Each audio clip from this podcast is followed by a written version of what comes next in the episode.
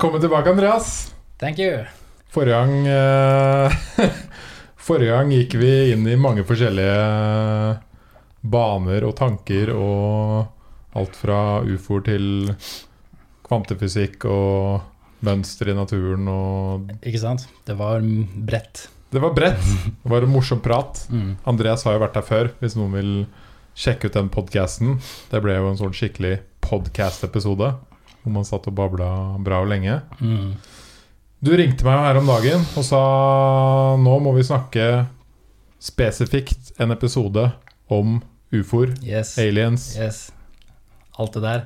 livet som kanskje er på denne planeten nå, som Mm. ikke er mennesker eller vanlige dyr.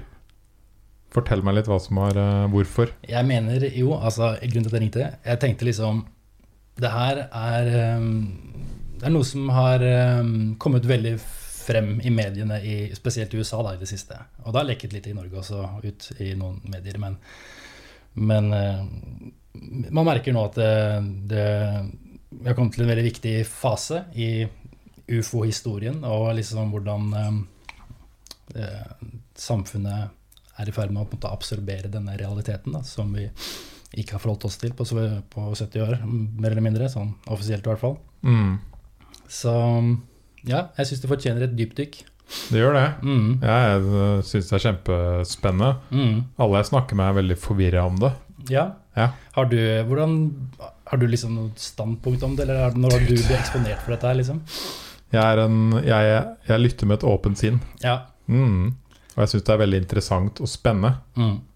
Uh, og så veit jeg egentlig ikke helt hva jeg skal tro.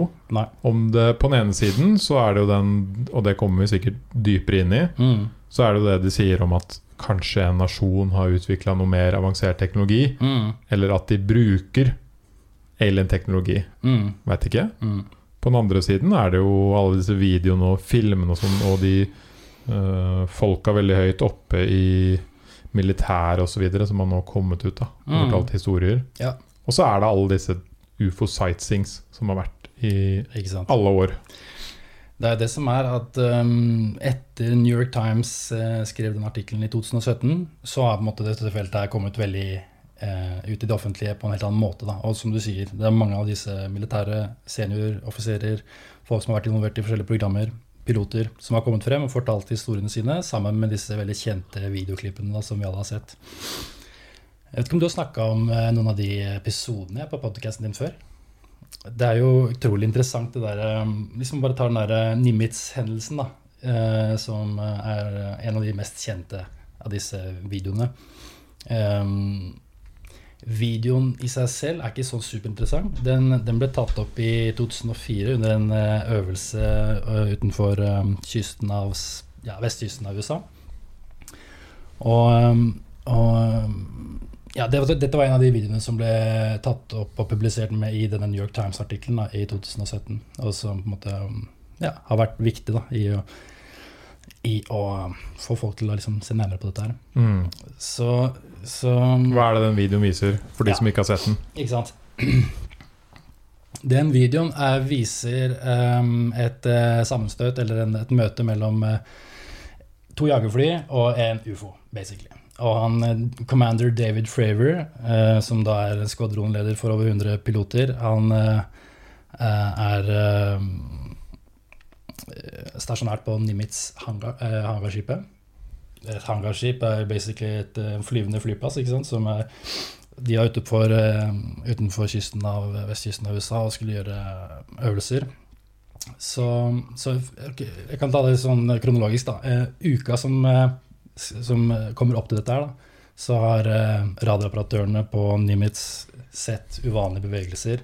Sett, eh, fått eh, readouts på radaren som viser objekter som beveger seg fra nesten fra space, fra flere kilometer høyt opp i lufta, ned til vannet på få sekunder. Og beveger seg veldig rart, da.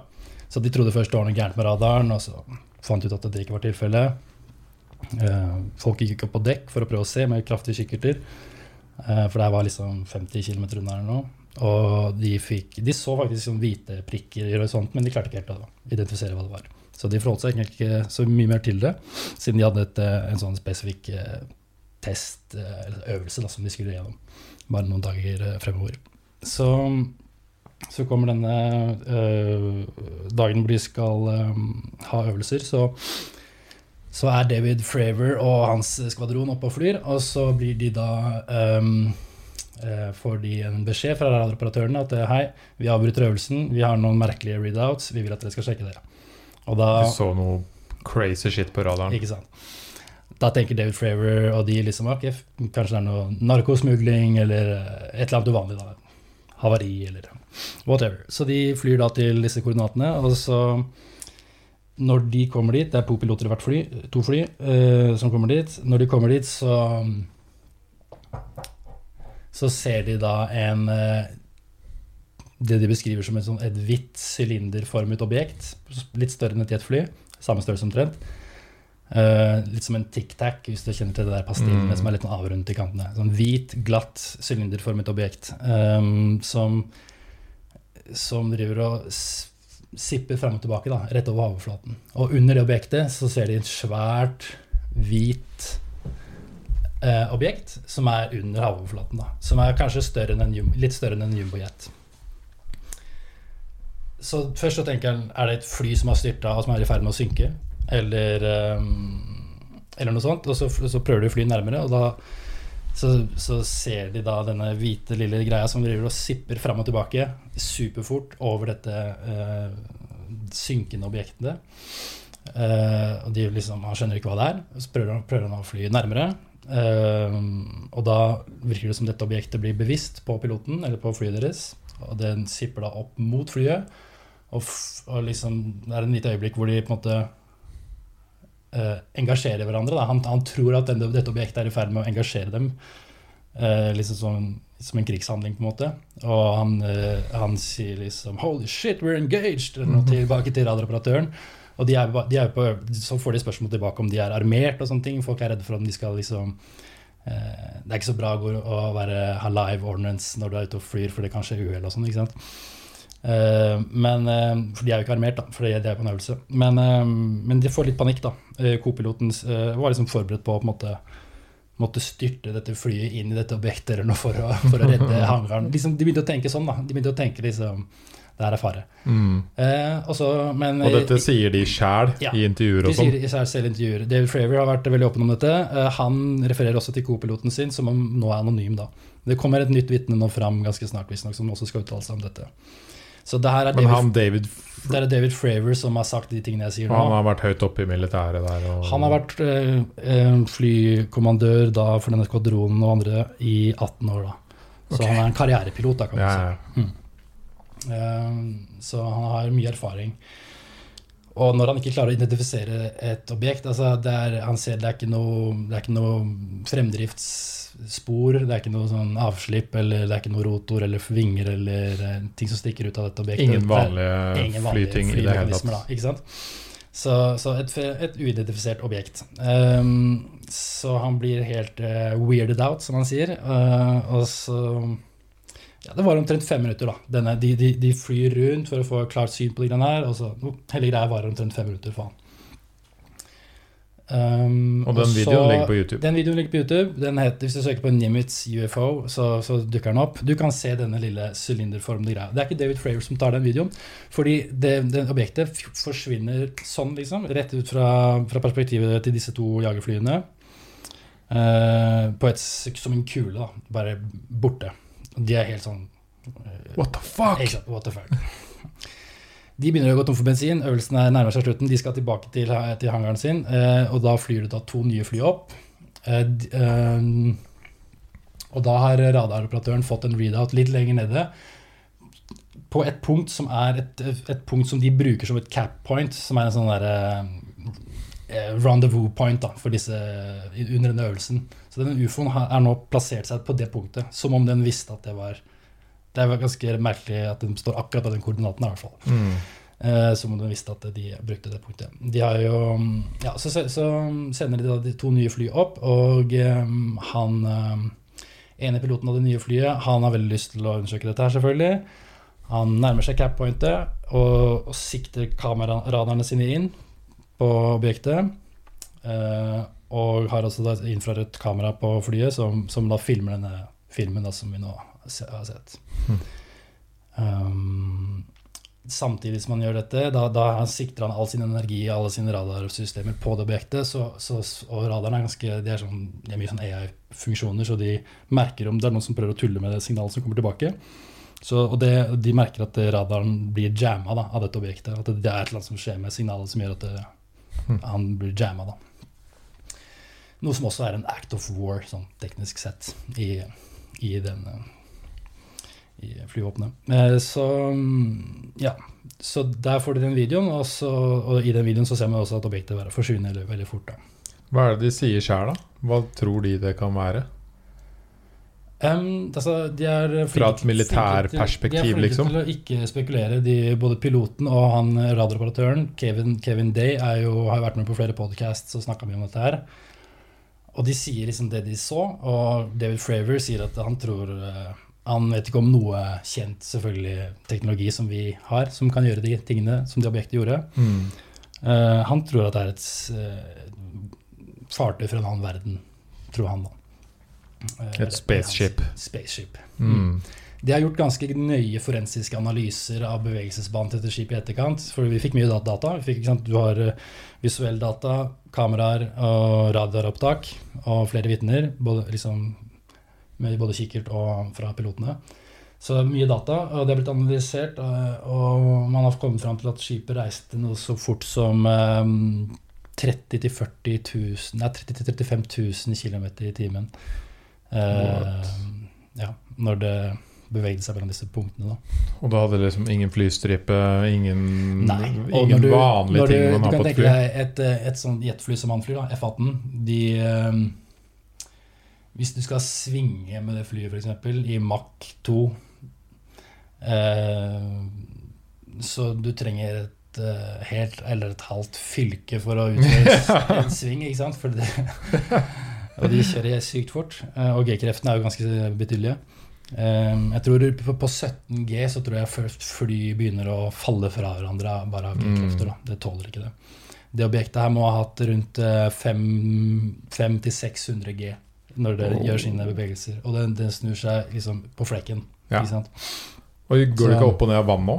Jo, helt riktig. Akkurat det objektet ble ikke observert opp og ned av vann, men det er også en av disse karakteristikkene som eh, er eh, viktige. Så eh, ja, det er den hendelsen. Det, du har jo to andre videoer også som er eh, fra 2015, som også er interessante. Men jeg syns den, den hendelsen er fint, er veldig veldig godt dokumentert, da, i hvert fall. eh, Og har blitt liksom sentral i denne historien. Og når jeg hørte intervju med han David, Mm. så sa han dette er jo ikke engang de beste videoene som finnes der ute. Er det s- riktig? Det er Louis Elizondo faktisk som sier det. Ja. Og han kom jeg til. Um, så, så det som ble skrevet om i den New York Times-artikkelen, det var jo ikke bare disse videoene, men det var jo det faktum at Pentagon har hatt en, eh, et ufo-program gående siden 2008. Um, et black budget-program hvor de har brukt 22 millioner dollar her nå, som er designert til å studere om disse ufoene utgjør en nasjonal sikkerhetstrussel. Da. Hva Som- betyr black budget? Nei, så det bare Superhemmelig? Ja. Jeg, husker, jeg vet ikke helt eh, tek tekniske detaljene rundt det, men, men eh, Kongressen eh, har vel ikke vært liksom sånn alle, Det er en need to know, da, i hvert fall. Mm. Need to know basis. Men eh, mm, ja. Um, så, så det programmet det, det kom jo ut da i 2017, eh, så at det hadde vært pågått. Og Samtidig så var jo også Louis Elizondo, som var da direktør for dette programmet i ti år um, Han slutta i programmet fordi, som en protest, egentlig, fordi den informasjonen som de oppdaget, og de, alt det de kartla, gjorde og samlet inn der av data, det ble ikke eh, videresendt i the chain of command, sånn, som man burde forvente da, en potensiell sikkerhetstrussel bør gjøre. Han fikk ikke gitt informasjon til da sittende forsvarssekretær James Mattis eh, om eh, disse objektene, som er en Altså, det er jo en trussel. Ja. Piloter kan krasje i dem, vi har ikke peiling på hva det er, teknologien er helt sinnssyk. Er det droner som er fra Kina som er sånn superavanserte? Så man må ta det seriøst, da. Ja, for det, det lurte jeg på. Hva er det folk der ute sier det kan være? Droner er jo noe jeg tenkte på i stad. Ja, ja, absolutt. Uh, det, det er Er det noen teorier på hva uh, Ja. menneskeskapt liksom det kan være? Eller Ja, det, det er uh, Vi kan, kan gå inn et par av de teoriene. Eh, Men først så bare kan jeg si liksom litt om dette programmet. da. De samlet inn veldig mye data i løpet av sin tid. Og noe av dette, som Louis Alessandro også har sagt, er at de bevisene som er lekket ut til nå, er noe av de minst eh, compelling evidensene som vi har. Eh, at, han har, Yes. at han har sett, eh, han har sett bilder av disse objektene eh, 50 fot fra cockpiten, eh, hvor du ser liksom at det, er et bestemt, best, i hvert fall ett bestemt bilde som jeg har hørt en del snakk om, som, som ikke har blitt gitt ut ennå. eh, Som er av et eh, triangelformet fartøy som kommer opp av havet. Da. Og de fem eh, karakteristikkene som dette Pentagon-programmet, som het Hva heter det? ATIP, altså Alien eller? Nei, det var uh, ja, Aerospace Threat Identification Program, da. Yes. Det, var, det handler om å finne trusler som uh, ja, ikke har blitt redegjort for. Så, så de fem uh, karakteristikkene som dette programmet et, etter hvert fant ut var veldig sånn, kjennetegn da, for UFO, ufoer, var eh, at de har Det er the five observables, som man kaller det. De har antigravitasjonsproperties. Altså de oppfører seg som tyngdekraft ikke er et problem. Uh, Ja, sånn som den som beveger Sånn som seg opp og ned og ekstremt mye kjappere enn eh, våre jagerfly i dag, og stopper midt og går opp og ned av vann og Transmedium travel, opp og ned av vannet. Opp og ned av forskjellige Mm. medier. Uh, uten problem. Man har også ofte mm, fått uh, observasjoner av ufoer under vann. Um, umiddelbar akselerasjon, sånn et sinnssykt akselerasjon. Som om hvis det var noe i det der, da, så hadde det blitt syltetøy, basically. Uh, ingen hadde tålt de kreftene. Uh, og um, ja, sånn ekstreme svinger. Og, og, og lav observa... Altså det er vanskelig å observere dem. Da, at de enten cloaker eller eh, har en eller annen felt rundt seg som gjør det vanskelig å se dem ofte. Det ja, De liksom, kan jo bli usynlige òg. det også er en teori, ja. Ja. de kan det. Eh, det er en av de, så det, det er de fem, the five observables, da. Så ja, nå kom jeg på hva det het. Advanced Aerospace Threat Identification Program. Det var det programmet. Eh, opprettet av senator Harry Reed, Mm. som var en demokratisk senator på den tiden. Um, Vi var på tre av fem eller noe, var det ikke det? Av disse observablesene? Ja. Nei, eh, vi tok faktisk alle. Det var liksom anti-gravity, transmedium, umiddelbar acceleration, eh, low observability og instant eh, altså, brå svinger, da. Sånn, helt ok. eh, fri for G-krefter. Det er ting som de har fanget opp på video. De har samlet inn veldig mye data fra, fra forskjellige deler av militæret, blant annet. Da. Og ehm, ja, Vi vet jo ikke så mye om konklusjonene de har kommet fram til. Det vi vet, er at programmet fortsetter den dag i dag med en ny eh, direktør. Um, vi vet at uh, ja, Louis Elizondo har jo veldig, snakket veldig mye om dette i det siste. Han og eh, Christopher Mellon, som var da tidligere assisterende forsvarssekretær under eh, Clinton-administrasjonen, han også har vært veldig uh, ut, altså, snakket veldig mye om hvor viktig det er at dette fenomenet nå blir tatt seriøst. At eh, de omtaler det jo nå som en, eh, en etterretningskrise på størrelse med 9-11, på en måte, i og med at det er informasjonsflyten er, bryter helt sammen her. Da. Folk får ikke den etterretningen de er, må ha for å kunne gjøre de avgjørelsene som de bør ta, da, for å finne ut, enten finne ut av dette her, eller hindre eh, flere eh, hendelser. Fordi det har vært hendelser hvor eh, ufoene oppfører seg ganske aggressivt. I hvert fall ikke, det er ikke det, det er, Jeg syns ikke de fremstår som nødvendigvis eh, fredselskende brødre fra Pleiadene. Det er ikke alle de rapportene som stemmer overens med det perspektivet. Da. Så man må på en måte eh, gå litt forbi stigma og, og um, spekulasjoner og prøve å gå litt systematisk og vitenskapelig til verks her for å prøve å finne ut av dette. Mm. Så, så det, jeg, liker, jeg liker den utviklingen som har vært i det siste. Hvis, sant, i, for fem år siden så var jeg, jeg kunne eh, introdusere meg selv, snakke med noen, og så sier jeg hvis dere vet at Pentagon studerer på ufoer det, det er et det pågår, jeg, Da blir man kalt en konspirasjonsteoretiker. Ja. Fuck off, Andreas! det er jo crazy. Men nå, nå vet vi at det er tilfellet, og det er eh, ting, altså det, men, men det er veldig mye stigma som må Det tar tid å få dette få folk til å få dette her eh, ut av eh, liksom tulleboksen. Jeg mener Folk flest vil jeg tro har en sånn holdning om at ufoer er omtrent like virkelig som Donald Duck og vennene hans. Og det å få det fra den boksen Eller mer som ånder og sånn, tenker jeg. Ja, kanskje det. også. Litt på den nivået, kanskje. Ikke sant? Og Det er en gjeng som tror på det, men Nettopp. Og, og det er ikke relevant for ditt liv. Det er litt naivt, og du er litt, kanskje ikke så smart hvis du gidder å bry deg om dette her. Uh, og det er den holdningen der som, som er helt egentlig grunnløs, men som er litt sånn, sitter litt i kulturen vår. Um, og det er morsomt. Christopher Mellon nevner det faktisk på Joe Rogan podcast nå forrige gang. Han snakker litt om eh, ufo-historie.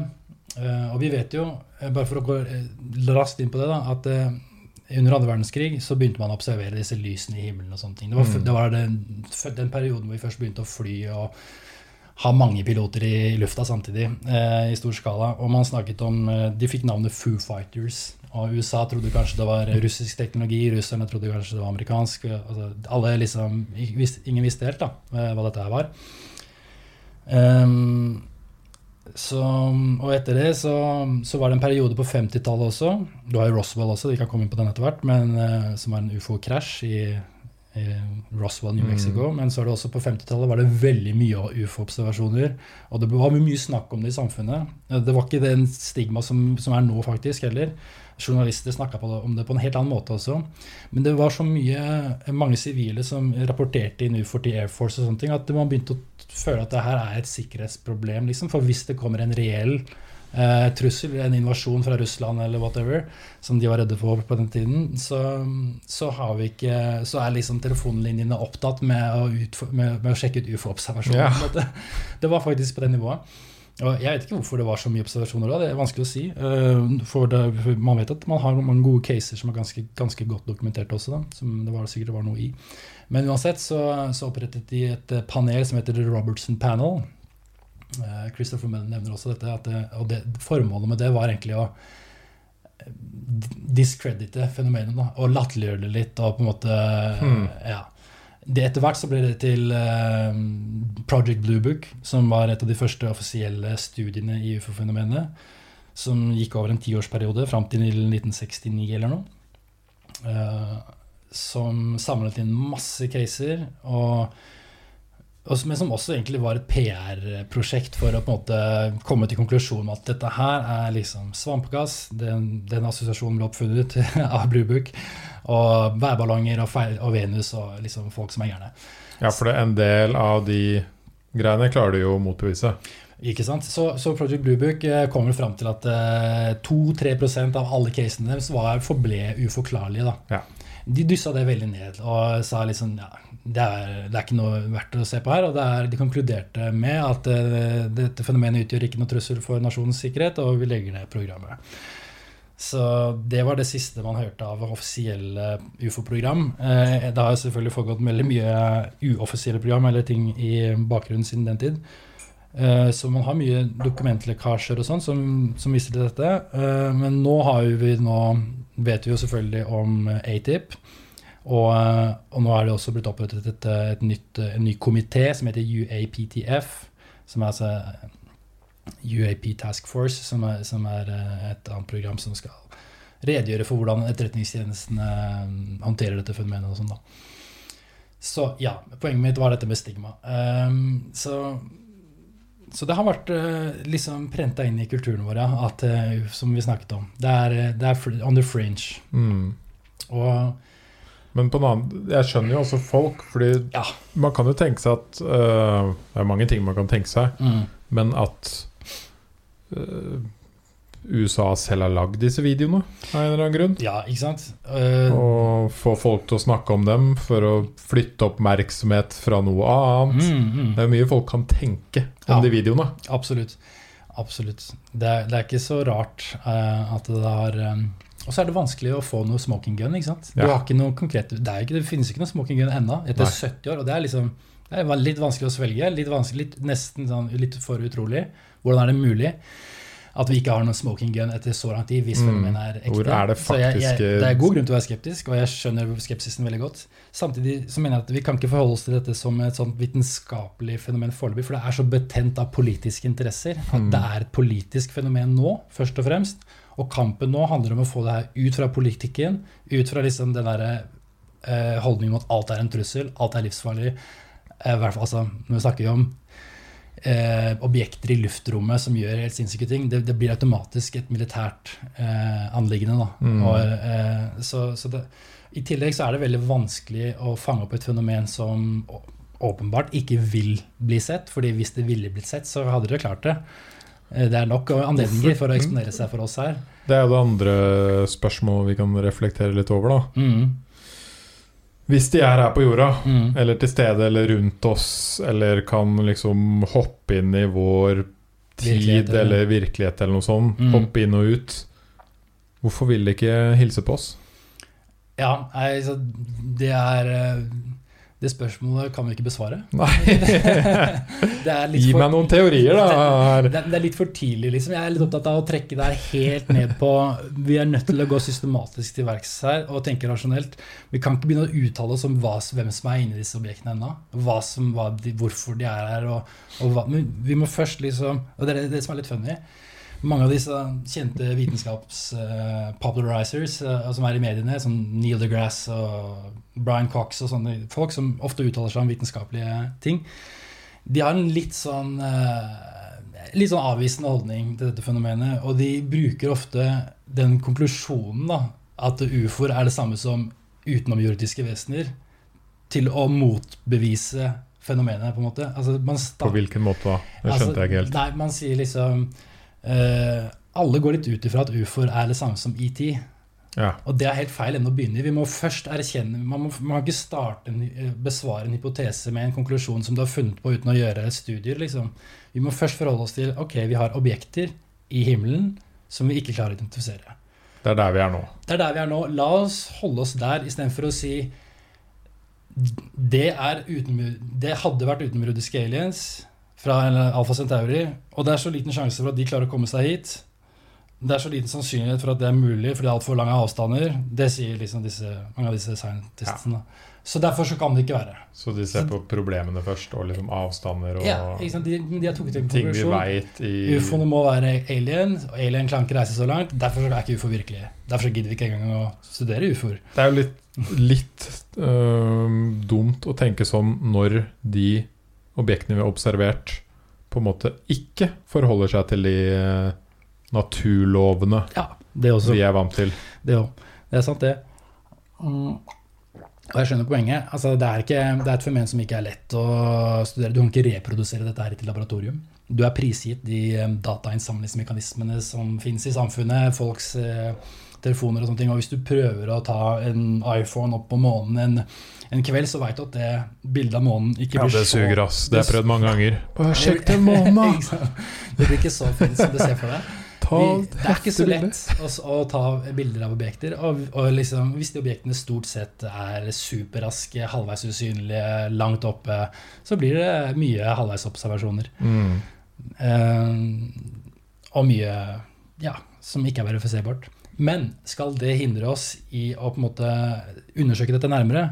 Jeg mener at vi må approache dette mer som en etterforsker, og i hvert fall siden det er så politisk eh, betent. da, At eh, vi vet at militæret har vært interessert i det veldig lenge.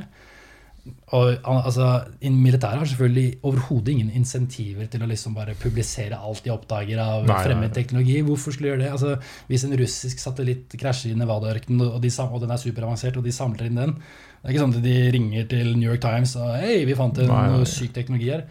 De gjør ikke det. Så man må eh, være villig til å se liksom paper trails og lekkasjer og vitner og sånne ting. Og det er ikke Det er så mye nå, da, at um, det er så mange indisier på at det er noe som skjer her, at det er litt naivt å ikke eh, ta det alvorlig.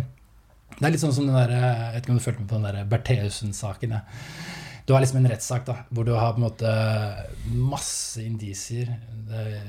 Hun har kjøpt inn rød sprit, og frimerket er riktig, og den hyssingen er akkurat den som ble brukt. og, og GPS-koordinater. Vi har masse indisier, men vi har ikke noe smoking gun.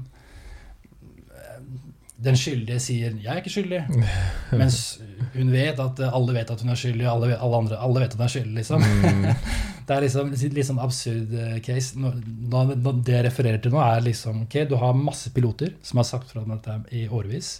Vi har ganske bra footage og, og radardata og sånne ting. Eh, vi har eh, masse eks-militære, eks-offisielle astronauter, presidenter som, snakker, som har liksom sagt dette her. Vi har nå Eh, bare i år er det to CIA-direktører. Du har John Brennan, som snakket om ufoer bare for noen måneder siden. Han, han kom med sin teori om hva han tror det her er. liksom. Hva sa han da? Um, nei, han, han er veldig vag. ikke sant? Men han blir spurt hva tror du ufo-fenomenet er. Han sier Først så sier han at det er arrogant for oss å tro at vi er det eneste livsformen i universet. og sånne ting. Ja, så svarer på sånn Veldig bred måte. Åpen- Men så sier han også at, eh, at fenomenet kanskje representerer en form for liv eh, som utfører en form for aktivitet som noen vil se på som eh, ikke-menneskelig, da. Eh, og jeg tror, han, jeg tror jeg tar det litt sånn interess, Jeg syns det er interessant, fordi han sier mye av det samme som Louis Elizondo også sier. Og jeg har eh, gradvis også beveget meg litt vekk fra ET-hypotesen. Jeg tror ikke nødvendigvis det er utenomjordiske hovedsakelig som står bak dette fenomenet, men noe mer komplekst og mer jordnært. eh, Eller i hvert fall mer jordlig, da. enn eh, Hva mener du med det når du sier det? Du tror ikke det er utenomjordiske, men mer noe jordnært? Det er litt sånn som eh, Altså, vi vet eh, at vibrasjonsspekteret, det, elektromagnetiske frekvensspekteret, er bredt. Det skjer mye der som ikke vi ser. Nå, du ser Når du ser meg, så ser du så lite av et så bredt spekter av Mm. frekvenser. ikke sant? Her i det rommet her er det masse stråling som ikke vi ser. Du ser lys. Farge, altså du ser fargespekteret, da. Ja, Eh, og du kan f.eks. se andre som X-ray og liksom Ja. Det fins mange Med, med forskjellige instrumenter klarer vi å se flere. Mm. Og så er det mye vi ikke klarer å se. Og så har vi også en teori om at kanskje 96% av universet er dark matter. ikke sant? som vi ikke forstår en dritt Som ikke forstår en dritt av. Som må alle regne med ok, hvis det er det, så er det i hvert fall veldig uorganisert. Og det er liksom bare sånn blob av materie. da. Så ehm, vi må være litt sånn ydmyke om at vi kanskje egentlig ikke har eh, forstår hva vi er, og hva universet er enda. ikke sant? Man må på en måte trå litt varsomt før man konkluderer om ting. da. Det er det eneste jeg sier. Ehm, fordi ufo eh, Bare bruk en dag eller to og les om ufo-law, så, blir det, så blir, er det mye der som er Det blir fort veldig crazy. Og, og, det, ikke, det, bør ikke, det bør ikke være eh, Det bør ikke være en turnoff for en vitenskapsmann som har lyst til å finne ut av dette her. Um, så ok, jeg hadde litt lyst til å bare si La oss først da, la oss ta ut- utenomjordisk liv-hypotesen også, da. Det må tas seriøst. Ja, ja. Har du hørt om Drake equation? Ja. Den, den er interessant. Og du har også Fermis paradoks. Du har, eh, det starta vel med en fysiker som heter- Enrico Fermi, som jobbet i Los Alamos med atombomben og sånn. I en eller annen lunsjpause så, så spør han sine kolleger hvor er alle sammen. Hvor er de? Man refererer til aliens, da.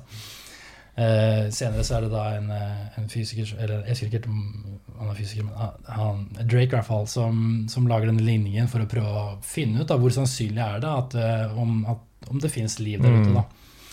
Problemet er at vi har ikke peiling på, hvor, på noen av Han, han presenterer en syv-åtte variabler. Som hver variabel er liksom i, i en ligning, som, som da etter hvert er en flaskehals som eh, snevrer seg ned på et konkret tall, som er hvor mange sivilisasjoner vi kan finne i vår galakse, da, f.eks. Problemet er at vi har ikke peiling på hva vi skal putte inn i nesten noen av disse variablene. Da, for Nei. vi vet så lite, ikke sant. Uh, vi vet sånn cirka hvor gammelt universet er, og hvor mange stjerner det er i galaksen. Hvor mange stjerner det er i galaksen, hvor mange planeter det er i galaksen. Hvor mange av disse planetene som er i den beboelige sonen. Hvor mange av disse planetene i den beboelige sonen som har vann, som har hatt kondisjoner for ja det, dette har vi lært veldig mye om de siste årene det. Exoplanets, Ikke ikke sant? sant? Ja. Man fant ut at veldig mange stjerner Ja, faktisk har planeter rundt seg. veldig mange. Det er veldig vanlig. Og um, ja, og så er det videre da, i denne ligningen så er det da hvor mange av disse planetene utvikler avansert eller organisk liv, og så avansert liv, og hvor mange av disse avanserte liv overlever lenge nok til å broadcaste det elektromagnetiske spekteret, ja, osv. Så, videre. så med alle disse variablene så kommer du ned til et konkret tall. Da. Og selv med veldig konservative inputs i hver av disse, så får du et veldig høyt tall i Mm. vår galakse og i universet generelt. At det er, det er Et høyt sannsynlighet høy sannsynlighet for at det finnes liv. Ja, og et høyt tall, et høyt antall sivilisasjoner. da. Ja, what the fuck, hvis man sitter en natt og Mm. ser på stjernehimmelen Mm, og bare tenker hva det er der ute, Mm, og tenker at nei, det fins ikke liv der. nei, det, er- det er sprøtt. Den, den, Men ikke bare det. Jeg synes det, det er fett, eh, den, den greia der.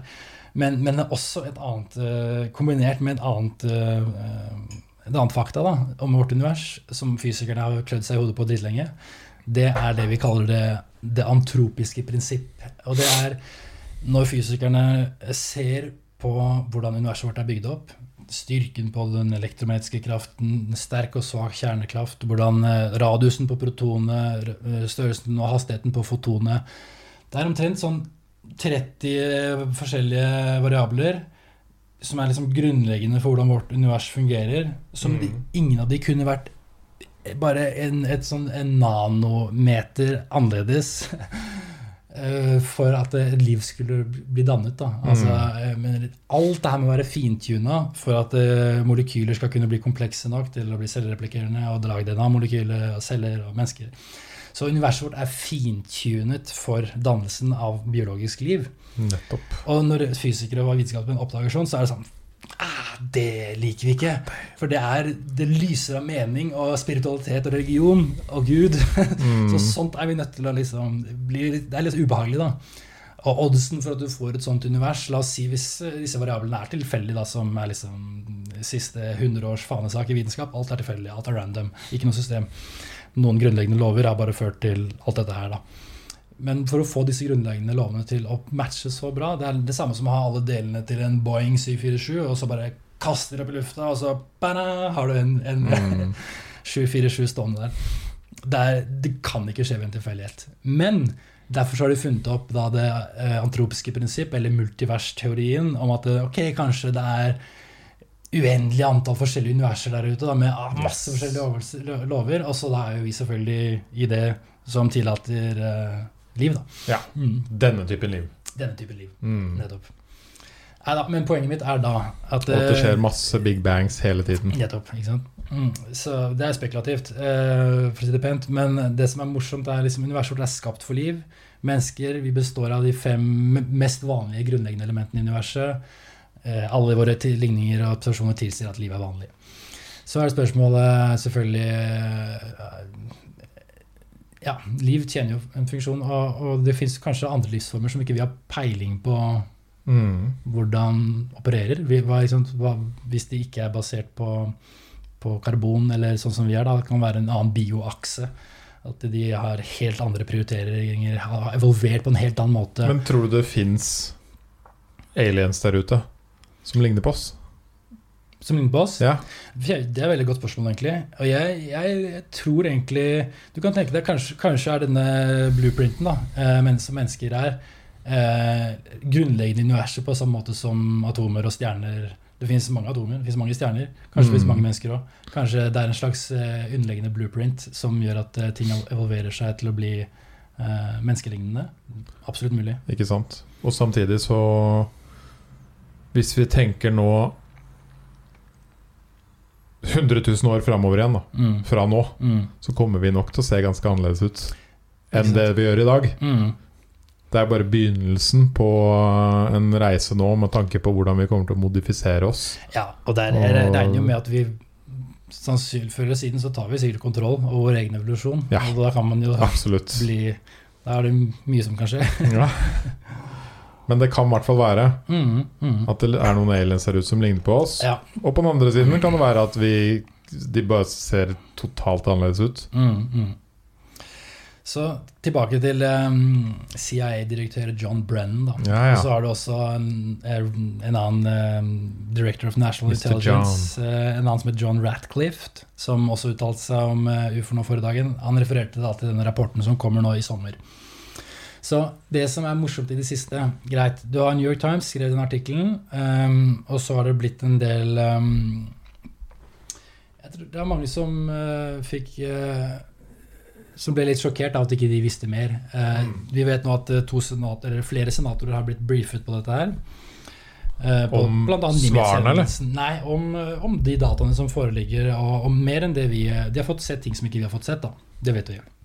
Eh, For de, de har sagt i intervjuer at eh, ok, dette fenomenet her er seriøst, vi er nødt til å finne ut av dette. Så, så um, Senatet øh, vedtok et lovforslag nå i desember i fjor øh, om at øh, det skulle nedlegges en komité som skal gjøre rede for hvordan etterretningstjenestene samler inn informasjon om dette, hva de sitter på, og hva deres beste vurdering av hva dette fenomen- fenomenet er. Da. Så, så de har blitt pålagt å, å levere denne rapporten i juni i år. Mm. Sånn jeg forstår, så er det ekstremt vanskelig bare sånn av byråkratiske årsaker å få til det på så kort tid. Og i hvert fall på et så stort og komplekst fenomen. Um, og pluss at vi også vet at um, at UAPTF, denne komiteen, har møtt på veldig mye motstand i noen faksjoner av um, Forsvarsverket. da. Mm. Så, så det siste som skjedde nå forrige uke, var egentlig at um, The Department of Defense Inspector General, som er basically Pentagons politi, da, de har kommet inn og De kødder du ikke med. De kødder du ikke med, liksom. De er sånne som gir slutt på karrierer og fjerner stjerner fra skulderen din. Fuck off. Så, så, så de har kommet inn og skal og på en måte um, Basert på noen klager de har fått, eller et eller annet, da, eh, og sørge for at uh, dette her skal gjøres ordentlig. da. Og det er jo en etterretningskrise. For, når jeg tenkte alle disse etterretningstoppene og offiserene som nå har våknet opp til dette, og shit, inni vårt eget myndighet og forsvarsverk, så har det vært en cover-up eller en neglisering av eh, altså rapportering. Louis Elizondo jobbet der i ti år. Han sier at det er, det er folk som har avfeid dette her på bakgrunn av at de tror det er demoner. Han sier liksom okay, du, han, Louis Alessandro briefet eh, noen, eh, noen toppoffiserer og, og viste masse footage og sånne ting, og liksom forventer et svar. Og de er bare helt sånn glazed out og klarer ikke å ta inn informasjonen. Eller så sier de sånn Har du lest Bibelen din i det siste? Ja, du, du må ikke, det her er ikke noe vi skal tulle med, liksom. Det er demoner. og, og jeg, altså, det er ikke første gang jeg har hørt det. Det, det er jo et, en holdning som har um, eksistert lenge, og jeg tror det har De drar bibelkortet, liksom. jeg tror det har hindra mye uh, i Ja. å ta dette fenomenet seriøst. Jeg tror ikke nødvendigvis det må en cover-up til heller, for at alt dette her skal bare falle gjennom eh, feil praksis og overtro og bare too much. Det gidder ikke å forholde oss til. Mm. Så, så det er et, eh, et eh, aspekt av det. da. Samtidig så sa jo Louis Elizondo på nasjonal-TV i bare for et år eller to eh, Starta med Fox News, men også andre kanaler, hvor han sier han Tucker Carlson spør han eh, Tucker Carlson. Ja, forferdelig fyr. Men anyway, eh, det er interessant hva Louis Elizondo sier. da. Jeg måtte Så- bare Åh, gulpe Så, litt. ikke sant? Men så han spør liksom ja, Han hopper på enhver mulighet for å liksom eh, frame the establishment, så det er for så vidt greit. Mm. Men, men han spør Louis Elizondo har, har vi vrakdeler av en ufo. Yes. Så sier du sånn jeg kan ikke, må være forsiktig med hva jeg sier her, men simply put yes. Og Det er jo spennende. det er veldig spennende. Eh, et- Kommer vi til å få vite noe om det mer nå? Ja, Tror nei, jeg tror, jeg tror, det tror jeg faktisk er svært håpefullt. Jeg tror ikke vi får, vi får så veldig mye Jeg kan komme frem til Jeg kom tilbake til det. Mm. Bare tilbake til det med vrakdeler, da. Eh, fordi New York Times skrev også en artikkel i Ja, det var vel i desember i fjor, hvor eh, de snakket om eh, Det er også en veldig viktig artikkel, men det var too much, rett og slett. Jeg tror ikke folk klarte å ta det helt inn over seg. Og, det, og når du kommer til det aspektet her av fenomenet, så er det veldig mange som bare draw a blank. altså Det er litt for mye. Så, så det var interessant. Det er det som er så gøy å se nå, forresten. Bare på dynamikken og hvordan denne fenomenet her og historien om det kommer inn i det kollektive. Fordi fra å ta det fra liksom Donald Duck til akutt politisk problem, verdenshistoriens største vitenskapelige sensasjon, vår tids viktigste politiske sak, er det, det, det, det, spekteret er så enormt. da. Det hoppet er så, så sykt. Så, så Hva var det New York Times skrev om da? de skrev om crash retrievals. Såkalte ufo-crash styrt, som blir hentet inn av eh, egne teams. da. Det var basert på en, eh, en forsker som heter Eric Davis, som, vi, som har jobba for myndighetene i forskjellige kapasiteter i mange mange år. Og han sier til New York Times at han har gitt brifinger til senatorer vedrørende materiale som har blitt hentet inn av ufoer.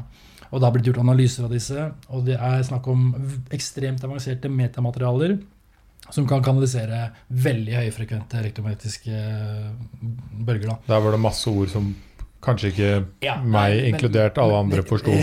Men, men poenget er at det, det er Meta materialer. Det er Ja. sånn eh, kunstig fremstilte materialer, legeringer av forskjellige metaller, som, er, ses, som kan se ut som de er nanofabrikert nanofabrikkert eller fabrikkert på atomnivå. Så er- materialer vi sannsynligvis ikke klarer å lage Riktig. Som vi beviselig ikke har teknologi til å lage per i dag. Da. Så Mm. smoking guns, uh, for all del. Eh, og, det, det hadde vært bevis, egentlig. Det hadde hvis vært vi hadde fått beviset. Ikke sant? Det er alltid gøy å se altså, Som vitenskapelig sett så er det ikke så mye du trenger. Vi, bare basert på en liten lillefingerknokkel så har vi funnet helt nye menneskeraser ikke sant? som vi Mm. ikke har visst om før. Så, så hvis du finner en, har en sånn bit, så er det en smoking gun. Og det kommer noen resultater ut, for det er noen av disse her som har havnet i offentligheten. Som, som bl.a. To The Stars Academy og Louis Elizondo og disse her har hatt. Eh, så ja, så jeg, jeg tror vi får høre mer om det.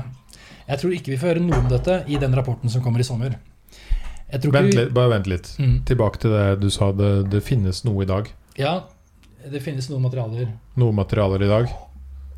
som, i, i, i offentligheten ja, som er kjent. Hva da? Uh, vel, du har altså Christopher Mellon og Louis Elizondo. De var jo med i en gruppe som het To The Stars Academy. Den er oppløst nå, men formålet med den gruppen var jo å fremme disclosure og fremme åpenhet om, om, altså, ja, dette fenomenet. da, Mer samtale om det. Eh, De var de hadde, Det som er da, det, det, det man får inntrykk av, og det jeg, eh, egentlig, jeg er ganske sikker på, er at det er en ganske stor faksjon innenfor statsapparatet. Statsapparatet er enormt. Det er en enorm bedrift med masse forskjellige interesser og grupperinger som ikke har peiling på hva de andre gjør, og du har i tillegg klassifiserte programmer som har special access og få vite om. Men det er i hvert fall en faksjon som har lyst til å få dette her ut, og som vet at det, det har vært både løyet om og suppressed og misforstått i 70 år. Sant? Mm. Du har en kombinasjon her. Og nå har de lyst til å få det ut. Og det er noen som ikke vil få det ut. Det er også ganske, det, Louis Elizondo er ganske tydelig på det. Det er noen som Ikke, aktivt prøver å ikke uh, men hva er det det de har av Så To The Stars Academy, Mm. bra du holder meg i tråden Mm. her. De har noen materialer som de har fått fra en chain of custody som de kan bekrefte. Eh, innenfor eh, forskjellige etterretningsnettverk. Da. Eh, noen materialer, vet ikke hvor de kommer fra, men som de mener er av superavanserte metamaterialer. Så det som er interessant er at US Air Force inngikk i hvert fall en, en forskningskontrakt med To The Stars om disse materialene, så det, er, så det skal forskes på. da. Jeg regner med at det, altså Luis Elizondo og de sier jo at det har vært gjort eksperimenter på de um, før, men, men det er snakk om å gjøre dette her i Hva har de funnet da? Det er det som er klassifisert. ikke sant? For Ja. det, vi må gjøre dette i, i Du har en klassifisert verden, og så har du en offentlig verden. Og Mm. det er veldig mye i den klassifiserte verden vi aldri kommer til å få vite så mye om, mens vi er nødt til å gjøre det på nytt i offentligheten. da. Og crash retrievals er kanskje noe av det mest eh, touchy temaet ever. Men det som er morsomt, er jo at eh, det er ikke så lett å komme unna, fordi hele ufo-lauren, hele ufo-historien, starta jo med et crash. Mm. Da snakker vi om Roswell, New Mexico, Mm. 1947. En ufo krasjer i ørkenen, og eh, angivelig da, masse vitner og eh, en lang historie av det da, eh, etter det. Eh, men det har også vært flere. Så altså, ok, hvorfor reiser noen hit eh, 40 lysår og krasjer? Veldig godt spørsmål. Jeg tror ikke de har reist hit 40 lysår nødvendigvis. Kanskje ikke de krasjer, kanskje de krasjer med vilje. Ja, eller kanskje de bare krasjer? ja, eller kanskje hvis du har en million droner som flyr rundt omkring, som er superavanserte, så driter du i om et par, par av de krasjer. Mm. Det, kan, det er mange faktorer vi ikke vi vet. Men, men jeg er ganske overbevist om at det har vært eh, krasj. Helt klart. Og det er eh, noen konkrete dokumenter som, som eh, har lekket ut, som også hentyder til det. De har ikke fått så mye oppmerksomhet ennå, men jeg tror det kommer til å bli en del av diskusjonen snart. Etter hvert. Kanskje. Edgar Mitchell, Apollo 14-astronauten, andre mann på månen, han jo Han hadde et ganske bra nettverk innenfor forskjellige etterretningstjenester, og han sa jo siste delen av hele sitt liv veldig åpenlyst om at ja, vi, det har vært ufo-krasj. Myndighetene Et eller annet sted så er det en, en eller annen gruppe mennesker som sitter på materialet, og til og med bodies, som han sier. Eh, når han døde, så hadde han et eh, dokumentarkiv som eh, hadde en del interessante dokumenter. Noe av dette lekket ut, eh, og har eh, kommet ut i offentligheten, og det kalles De dokumentene refereres til som David Wilson-dokumentene. De dokumentene er en eh, beskrivelse av en samtale mellom Eric Davis, som var han der New York Mm. Times-konsulentforskeren, og da i to, på 2000-tallet sittende Director of National Intelligence. En samtale mellom de to, eh, hvor han direktøren beskriver at han prøv, har prøvd å få innsyn i et Special Access-program som han har krav på å få innsyn i, men blitt nektet adgang fordi han ikke hadde need to know. da, liksom. Men han får vite, han, det ble avtalt et møte, de møtes på en sånn lukket uh, hangar eller et eller annet, og så, og så uh, er han sint fordi han ikke får innsyn, og det, her skal opp til Forsvarsdepartementet, og, og, ta, og dette skal finne ut av. Altså, de sier ja, kjør på. De, de har liksom sin eh, de, de sier at ja, Det er en litt komplisert historie. Det er mange detaljer her. Jeg ikke, kan ikke gå gjennom alt. Men det, jeg anbefaler folk å sjekke det ut. Det er et legit eh, dokumentlekkasje. Eh, Den er betydelig. Eh, Men, men det, det blir forklart litt foran da, at de har endret, gjort ting for lovverket som gjør, det gjør det mulig å ha et special access-program. I disse special access-programmene forgrener seg inn i private kontraktører som Lockheed Martin, Raytheon, Northrop Grumman og Boeing og disse enorme aerospace-selskapene med masse kompetanse. Eh, og der kan det være skjult for Kongressen og innsyn fra Kongressen. og sånn. Eh, men Han prøver å få innsyn i denne programmet, men blir nektet. Men blir fortalt at det er et crash retrieval-program. Eh, de har en ufo, en hel ufo. Eh, Et helt spaceship. et helt spaceship. Mm. Ja, la oss si et spaceship, for det er, Mm. det, de har det i hvert fall der. Eh, Men eh, jeg har prøvd å jobbe på det i mange mange år, flere tiår, men ikke kommet noen vei. Ikke klart å finne ut så mye, da. Mm. Det er dette dokumentet, da. David Wilson Leak. Kult dokument. Jeg tror det er Den passer Jeg tror, jeg tror det var en del av den New York Times-artikkelen, men det er så mye uverifiserbare ting her, og det er litt spekulativt, så det var litt for, litt for skjør grunn. Og det er ikke så viktig egentlig ennå heller. eh, Og jeg, jeg, tror- jeg tror ikke den eh, rapporten som kommer i sommer, kommer til å komme med en haug med bilder av ufoer og, og sånne ting. Hvor skal den komme? den er, det er juni som er liksom datoen, da. Mm. Hva, er det de har sagt Jeg tror den vil bli utsatt, sannsynligvis, men kanskje at man kommer med en preliminary I år, da. I år, ja. Men eh, det skal i hvert fall komme med, med noen uttalelser. Eh, men bare det at de, man, trenger ikke, man trenger egentlig bare en uttalelse om at her har vi et fenomen som ikke vi har klart å identifisere. Det er ikke noen annen statlig aktør. Det er ikke Mm. vår teknologi, det er ikke noen andres teknologi. Det er ukjent. Bare den statementen der ville være revolusjon nok, egentlig. Uh, ja, kanskje sammen en, en smoking gun mm. footage. da. Det er såpass mye nå som vi vet uh, fins, men som ikke har blitt løslatt, at eh, det ville vært litt rart om ikke Altså Presset begynner å bli ganske stort. da. De har mye å tape på å ikke eh, være redelige i den rapporten. Man skulle jo tro sånn Altså sånn egentlig at Mm. hvis vi har funnet det her, så burde jo verden heller samarbeida enn å Mm. holdt det inne i landet sitt. Ikke sant? Egentlig. Ja, jeg veit. Det er helt enig. Og hva er grunnen til Hvorfor skal man holde det her hemmelig? Du har teknologiaspektet. Det er jo for å typisk, tenker jeg, da, Ja. eh, kunne bruke noe av den teknologien i militæret. Mm.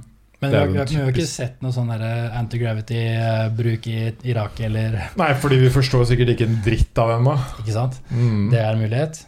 Jeg har alltid lurt på det selv. Jeg liker å tro, jeg tror jo liksom, altså, mennesker, Alle mennesker gjør så godt de kan med de forutsetningene de har. Ja. Og det er ingen onde mennesker som liksom det, jeg, tror ikke, jeg tror ikke årsaken er at dette hadde lyst til å tjene penger på, eller Jeg tror kanskje ikke nødvendigvis det handler om at de skal ha et sånn teknologisk forsprang i krig heller. Selvfølgelig, det kan ha vært et insentiv, men, men, men eh, det kan også være at det er sannheter her som er litt forstyrrende, da. Litt urovekkende. Mm. Vi vet at det er en connection mellom ufoer og atomvåpen. Og det er også en veldig eh, betent sak. Og faktisk så tror jeg eh, På hvilken måte? 60 Minutes kommer til å gjøre, gjøre et eh, Jeg har hørt rykter om det, at det kommer et program snart i 60 Minutes eh, som kommer til å gjøre dypdykk i annet det. da. Så Ufoer og nukes. atomvåpen. Mm, så det, Hva- det, den linken har vært der helt fra starten. Eh, og det er, um, det er et faktum etter at vi begynte å sprenge atomvåpen, så, så har um, Vi har hatt masse, eller flere godt dokumenterte eh, hendelser hvor ufoer har eh, blitt observert i nærheten av prøveeksplosjoner, men også over atomsilobaser og sånn. Da titter innom, sjekker de ah, mennesker har kommet bitte litt lenger ut. Ja, men ikke bare titter innom. Jeg, så en ting er hvis de var passive observatører, men, eh, men, de, men de, de, kommer inn i begrenset luftrom og skrur av Du har en eh, en case i USA hvor, hvor de skrur i Maelstrom eh, Jeg husker ikke helt hvilken Air Force Base, men, men de skrur av ti ulike siloer. da, Ti nukes går i offline mode etter, samtidig som det svever en eh, svær, oransje, glødende ufo over denne basen her. Da. Det blir tatt opp i den der The Phenomenon, blant annet. Mm, hendelsen. Stemmer det. Um, og man kan si liksom Ok, det her er uh, våre spacebrødre fra Pleiadene som prøver å hinte at vi ikke skal nuke hverandre. Fint, det, men, men, jeg mener, det er ikke pedagogisk å bare ta fyrstikkesken ut av hånda på ungen din uten å forklare hvorfor du gjør det, og samtidig la storebror uh, ha, ha fyrstikkesken. på en måte, Nei, Fordi russerne hadde jo har jo nukes sikta på USA til enhver tid. Og hvis de vet at nukesen deres er skrudd av, så er jo det nesten en invitasjon. ja, det høres veldig merkelig ut. Det er ikke rart folk syns det her er forvirrende. Nei. Nei. Det er ikke det. Uh, og, og, mennesker er jo helt sykt primitive. Altså, Russland har hele sitt atomarsenal sikta på strategiske punkter i USA. USA har hele sitt på Russland. De har eh, MAD-strategien, som er sånn mutually assured destruction. Liksom, vi skal bare du fucker meg, jeg fucker deg. Ja. Hvis du ser det her skjer, så er det bare ja. det er, Smart. Det er veldig primitivt. Det er, det er sykt. Uh, så og det er en annen case i Russland som er også litt forstyrrende. Ufo-overflyvning over en base hvor, eh, hvor nedtellingssekvensen på atomrakettene begynner. Ti, ni Ingen skjønner hvorfor. Åtte, sju Noia. Ja, ikke sant? Bare for å passe noia. og så, og så jeg, jeg, vet ikke om det er de som gjør det, eller om det skrur seg av seg selv. Ja. Men, men, det også er jo en, en aggressiv act. da. Den er aggressiv, ja. Eh, og disse, Du har en noen nyere case som kom ut nå i um, april. Um, masse, masse snakk om den, fra USS Russell 2019, hvor det var en, eh, et sverm av droner, som de kaller det. Uh, Opp-ned-flyvende pyramider er disse footage som har kommet ut nå i det siste. Du kan, uh, kan, uh, det kommer i Dagbladet også. Um, den hendelsen ble referert til, i hvert fall. Uh, der var det en sverm av ufoer som fløy over et, uh, en destroyer i tre-fire timer og liksom sveipa fram og tilbake. Og, og, og det er ganske aggressivt, da. Så jeg syns ikke den derre peaceful educational advanced civilization from space Den hypotesen stemmer ikke helt for meg. Nei. Det kan være at det er det òg. Noen er det, noe fenomen er det. Men det er noe annet der som er litt rart. Men For meg føles det jo nesten ut som alt det her er uh, sånn uh, superavanserte droner. Bare kommer og sjekker ting på jorda. Ja, og bare skanner litt og sjekker litt våpen og ja. Bare liksom ultraavansert drone. Mm. Men fra en annen sivilisasjon. Yes. Ikke sant? Yes. Mm, mm. Det er, det er, en bra hypotese, det. Og det ville vært mye mer ressursbesparende å sende selvfølgelig Vi hadde også gjort det hvis vi hadde teknologi til det. Vi, vi, gjør jo det med Mars. Ikke sant? Det er jo det vi gjør. Det er det vi gjør. og vi kommer til å gjøre det mer og mer og mer. Ikke sant? Ikke sant? Du sender jo aldri mennesker først Nei. til et sted. Og hvis du lett etter hvert kan lage mer og mer avanserte droner, mm, mm. så sender du jo bare ut en million stykker ikke sant? ut i universet. Mm. De skal reise i 1000 år, de der dronene, og sjekke og når planeter. De kom, når de kommer fram til planeten, kanskje de reiser da, Ok, er, de er programmert da, med AI. Ja, ja. Reis ned til havbunnen der du ikke blir observert. Etabler en base. Samle ressurser og bygg flere roboter av deg selv. Og utfør uh, scientific ja. experiments. Ja, altså Er de så avansert at de har kommet hit, så kan de sikkert på en måte nesten replikere, replikere seg i, i lufta eller av et eller annet vi ikke kan forstå. Da. Ikke sant? Ja, jeg syns det, det, er en bra hypotese, egentlig. Mm. Jeg liker den. Uh, det, en, det, en, det, ville vært en logisk approach. for en Hvis, hvis vi tenker, hvis man åpner uh, huet sitt litt og tenker hvor langt vi har kommet med teknologi mm. de siste 20 årene, Og så tenker du ok, men hva hvis det er noen som ligner på oss, som Mm. har gjort dette i 1000 år, eller 50 000 år, 100 000 år, Mm. 1 million år? Ja, det er akkurat det. Og de, de, de tidsperspektivene er ingenting. Det er ingenting. Kosmik Det kan være også 10 millioner år, eller 50. Så mye mer avansert enn oss. Vi, Ja. kan ikke, vi kan ikke forestille oss. Nei. Det er magi for oss, ikke sant. Da begynner det å bli mer sånn for meg aktuelt å tenke ja, det er jo hm, Mm. Det make jo nesten sense. Mm. Og det som er da, når vi ser på oppførselen til objektene, det er ikke helt fremmed for oss. Vi skjønner at hvis du klarer å manipulere gravitasjon, hvis du klarer å lage en gravitasjonsboble rundt eh, et objekt, et eget gravitasjonsfelt, så vil den kunne unnlate G-krefter. Det ville ikke vært en sak, fordi du, du beveger deg i din egen lokale boble av univers, basically. Du har ditt Mm. eget eh, gravitasjonsfelt. Eh, Du ville ikke lagd noen eh, sonic booms. Det er også en karakteristikk med ufoer. De akselererer over lydens hastighet uten å lage noe, noe smell gjennom lydmuren. Ja. Fordi romtidboblen ville jo ledet alle molekylene rundt denne boblen som en sånn gravitasjonslinse. Så du, forholder, du lager en boble av virkelighet som ikke forholder seg til deg. Du vil oppføre deg litt sånn som tic-tac-ufoen. da. Mm. Zipp, zipp, zipp, zipp. Helt sånn uanfektet av G-krefter og, og sånne ting. Så det er ikke helt fremmed for oss, og derfor syns jeg også det burde være litt sånn eh, Vi burde være litt mer åpne for det, da. Når vi faktisk kan både lære ny fysikk av det, men vi ser også at det her er det noe som vi ser er mulig, men som ikke vi klarer. Mm. Avansert, eh, og Vi snakka litt om det i forrige podkast, at det en avansert sivilisasjon Vi kan ikke kalle oss avansert før vi mestrer gravitasjonskraften. Nei. Vi har bare halvparten av ligningen nå. Vi er gode på elektromagnetisme, men gravitasjon For å, for å manipulere tyngdekraften så krever det enten ekstreme mengder energi eller sykt stor masse. Så, så derfor så klarer ikke vi det. Ikke sant? Men, Et eh, annet aspekt vi snakker om nå, er at vi allerede nå begynner jo å forstå veldig mye bedre aldring, ikke sant? mm, hvordan man kan etter hvert stoppe og reversere aldring. mm, Vi er tidlig ute, ja, vi er, rett og slett. Det har skjedd sykt mye de siste 20-30-40 årene. Ja. Uh, bare tenk litt hva som skjer framover. Mm, Og nå kommer de første dronene, men hvordan er de om 1000 år? De er helt sinnssyke. det er det. Og hva mer har vi forstått av, som du sier, da, Mm, uh, forskjellige frekvenser? Dark matter, hva Mm. faen er det? Kan vi bruke det? ja. Dark energy, Mm. er det noe vi kan bruke? Mm. Det er et veldig gode poeng. Og jeg tror det er derfor jeg, jeg, jeg sammenligner det her Det at det her kommer for dagen nå, da, er jo, handler litt om at vi er kollektivt klare for det. Bevisstheten vår er ekspanderer, og vi kan forstå litt mer av universet. Men Eh, krasjer det ikke veldig med religion? det er det som, det, det, jeg tror ikke det. Religion har alltid vært flink til å tilpasse seg. Og Ja. de etter hvert sånn Men det er, det er litt morsomt, da. Så, um, På hvilken måte krasjer det ikke med religion? Hva Religion har vært flinke til å tilpasse seg når man, når man ser at uh, verdensbildet blir oppdatert. Så er jo det bare enda et godt argument for at Gud er fantastisk. Mm. At Skriv en ny bibel. Ja. Skriv en ny bibel.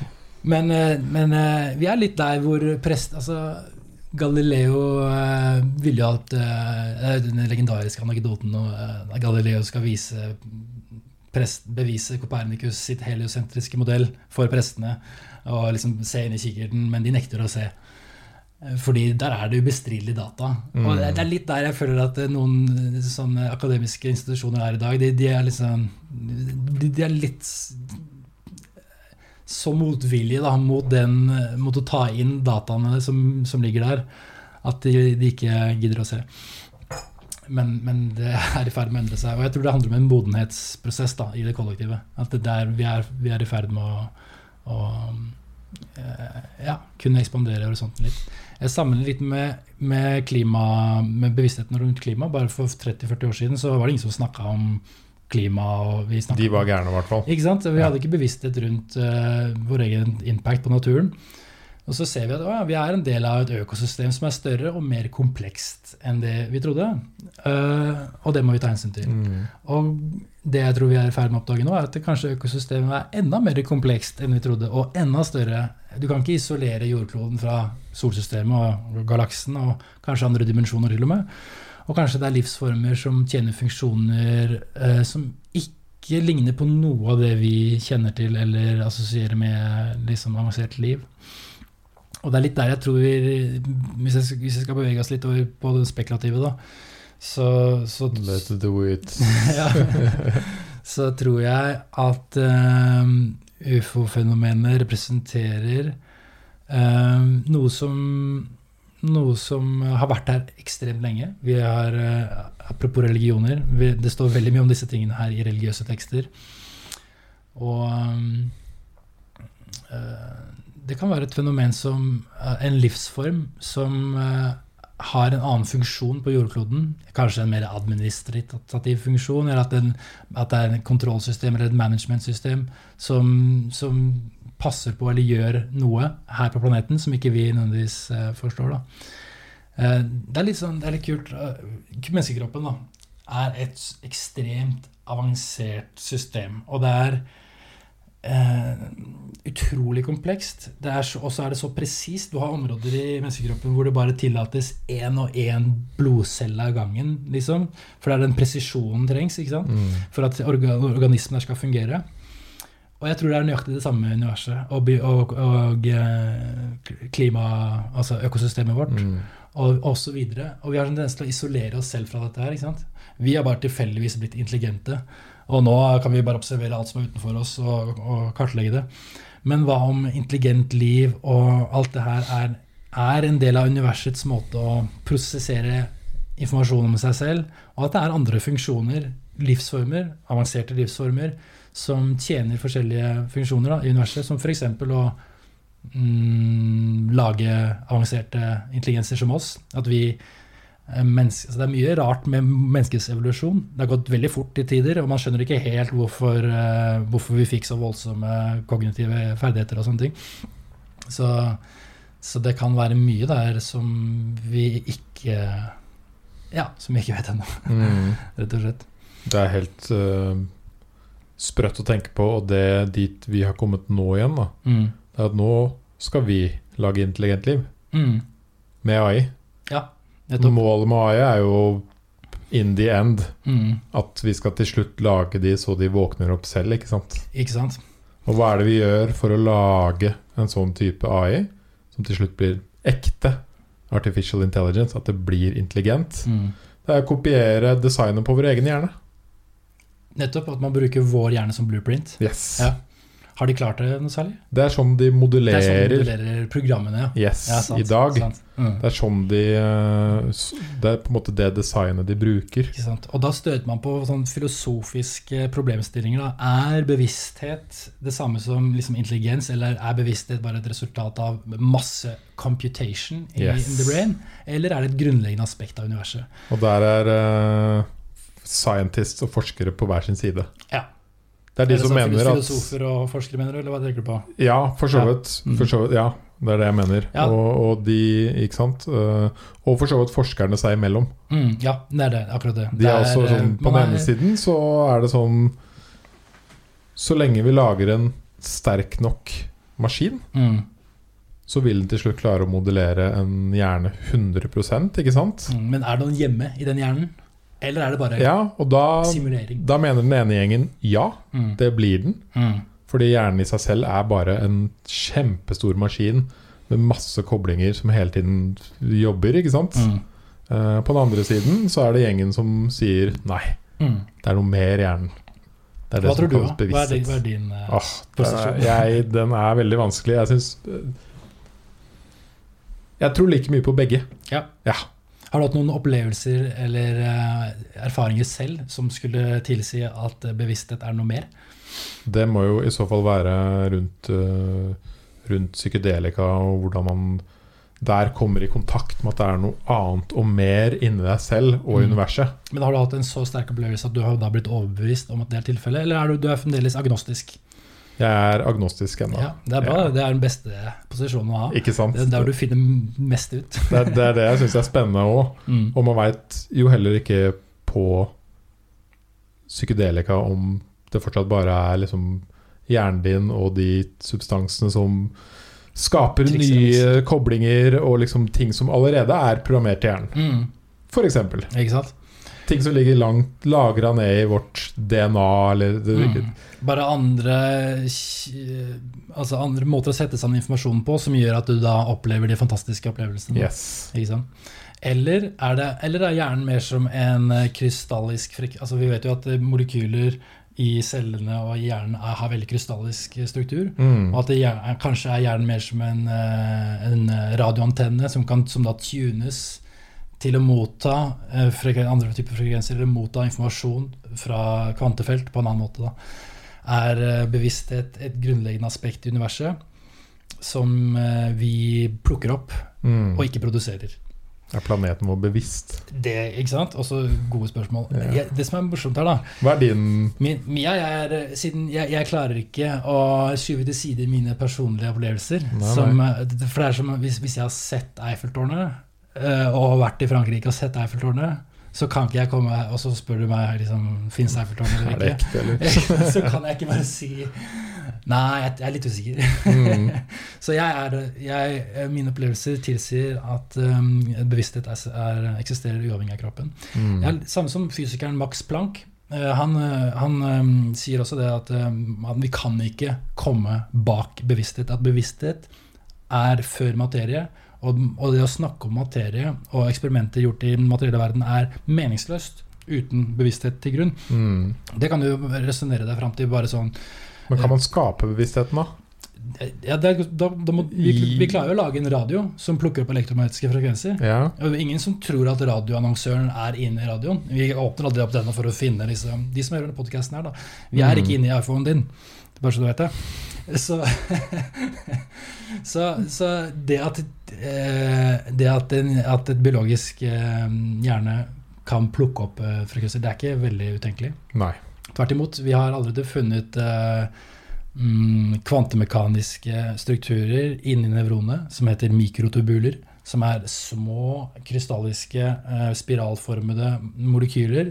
Alle de ordene du sa nå, det, Så de, de, de, de ser ut som DNA-spiraler. You're fucking my- with my mind. Så nevronene våre har eh, bitte små eh, strukturer inni seg som man kaller for mikrotubuler. Som, eh, som man tror da, Det her er for smått til å gjøre veldig mye eksperimenter på, men som man, kan, man tror at det resonnerer med kvantefelt. Da. Det er eh, noen eh, hjerneforskere som har det som teori. Da. Det er mange som altså det som er da, Nevrologer Hvis du spør en nevrolog om eh, liksom, hva har du funnet ut av om, om hjernen og bevissthet, man har ikke funnet ut noen som helst struktur i hjernen som produserer bevissthet. Ingen sammenheng mellom Mm. noe av de tingene vi kan grave opp i hjernen, og bevissthet. Det er liksom Hvorfor skal dette lede til en bevisst eh, erfaring Men samtidig forstår vi jo like lite av hjernen som vi forstår universet, da. Ja da. Det er mye, mye, igjen der. Helt klart. Og jeg tror kanskje det kan være at eh, vi må forstå kvantemekaniske interaksjoner bedre, underliggende kvantefelt og sånn. Vi vet at fotosyntese har eh, faktisk eh, en del kvantemekaniske prosesser i, i seg.